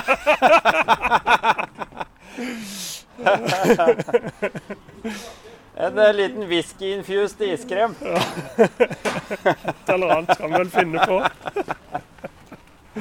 Nei, Nei, du, vet du hva. Jeg, tror jeg skal bare eh, skru av opptakeren nå. Og så må jeg bare takke for å følge og fikk lov til å være med på den reisen så langt. Eh, Den er ikke slutt enda. Nei, nei, langt derfra. Eh, Vi Så- opprettholder den kontakten. Og Det det skjer jo andre ting framover. Og det neste som blir nå, det er å få sendt eh, kit til våre venner i Sør-Afrika, Ja. Sveits Ja.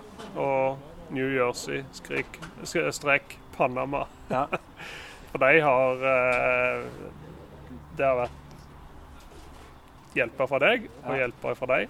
Helt umistelig. Ja. Eh, og, og, og så når dere, når dere ser produktet, så så ser dere deres innspill. fysisk i i produkt. Helt klart.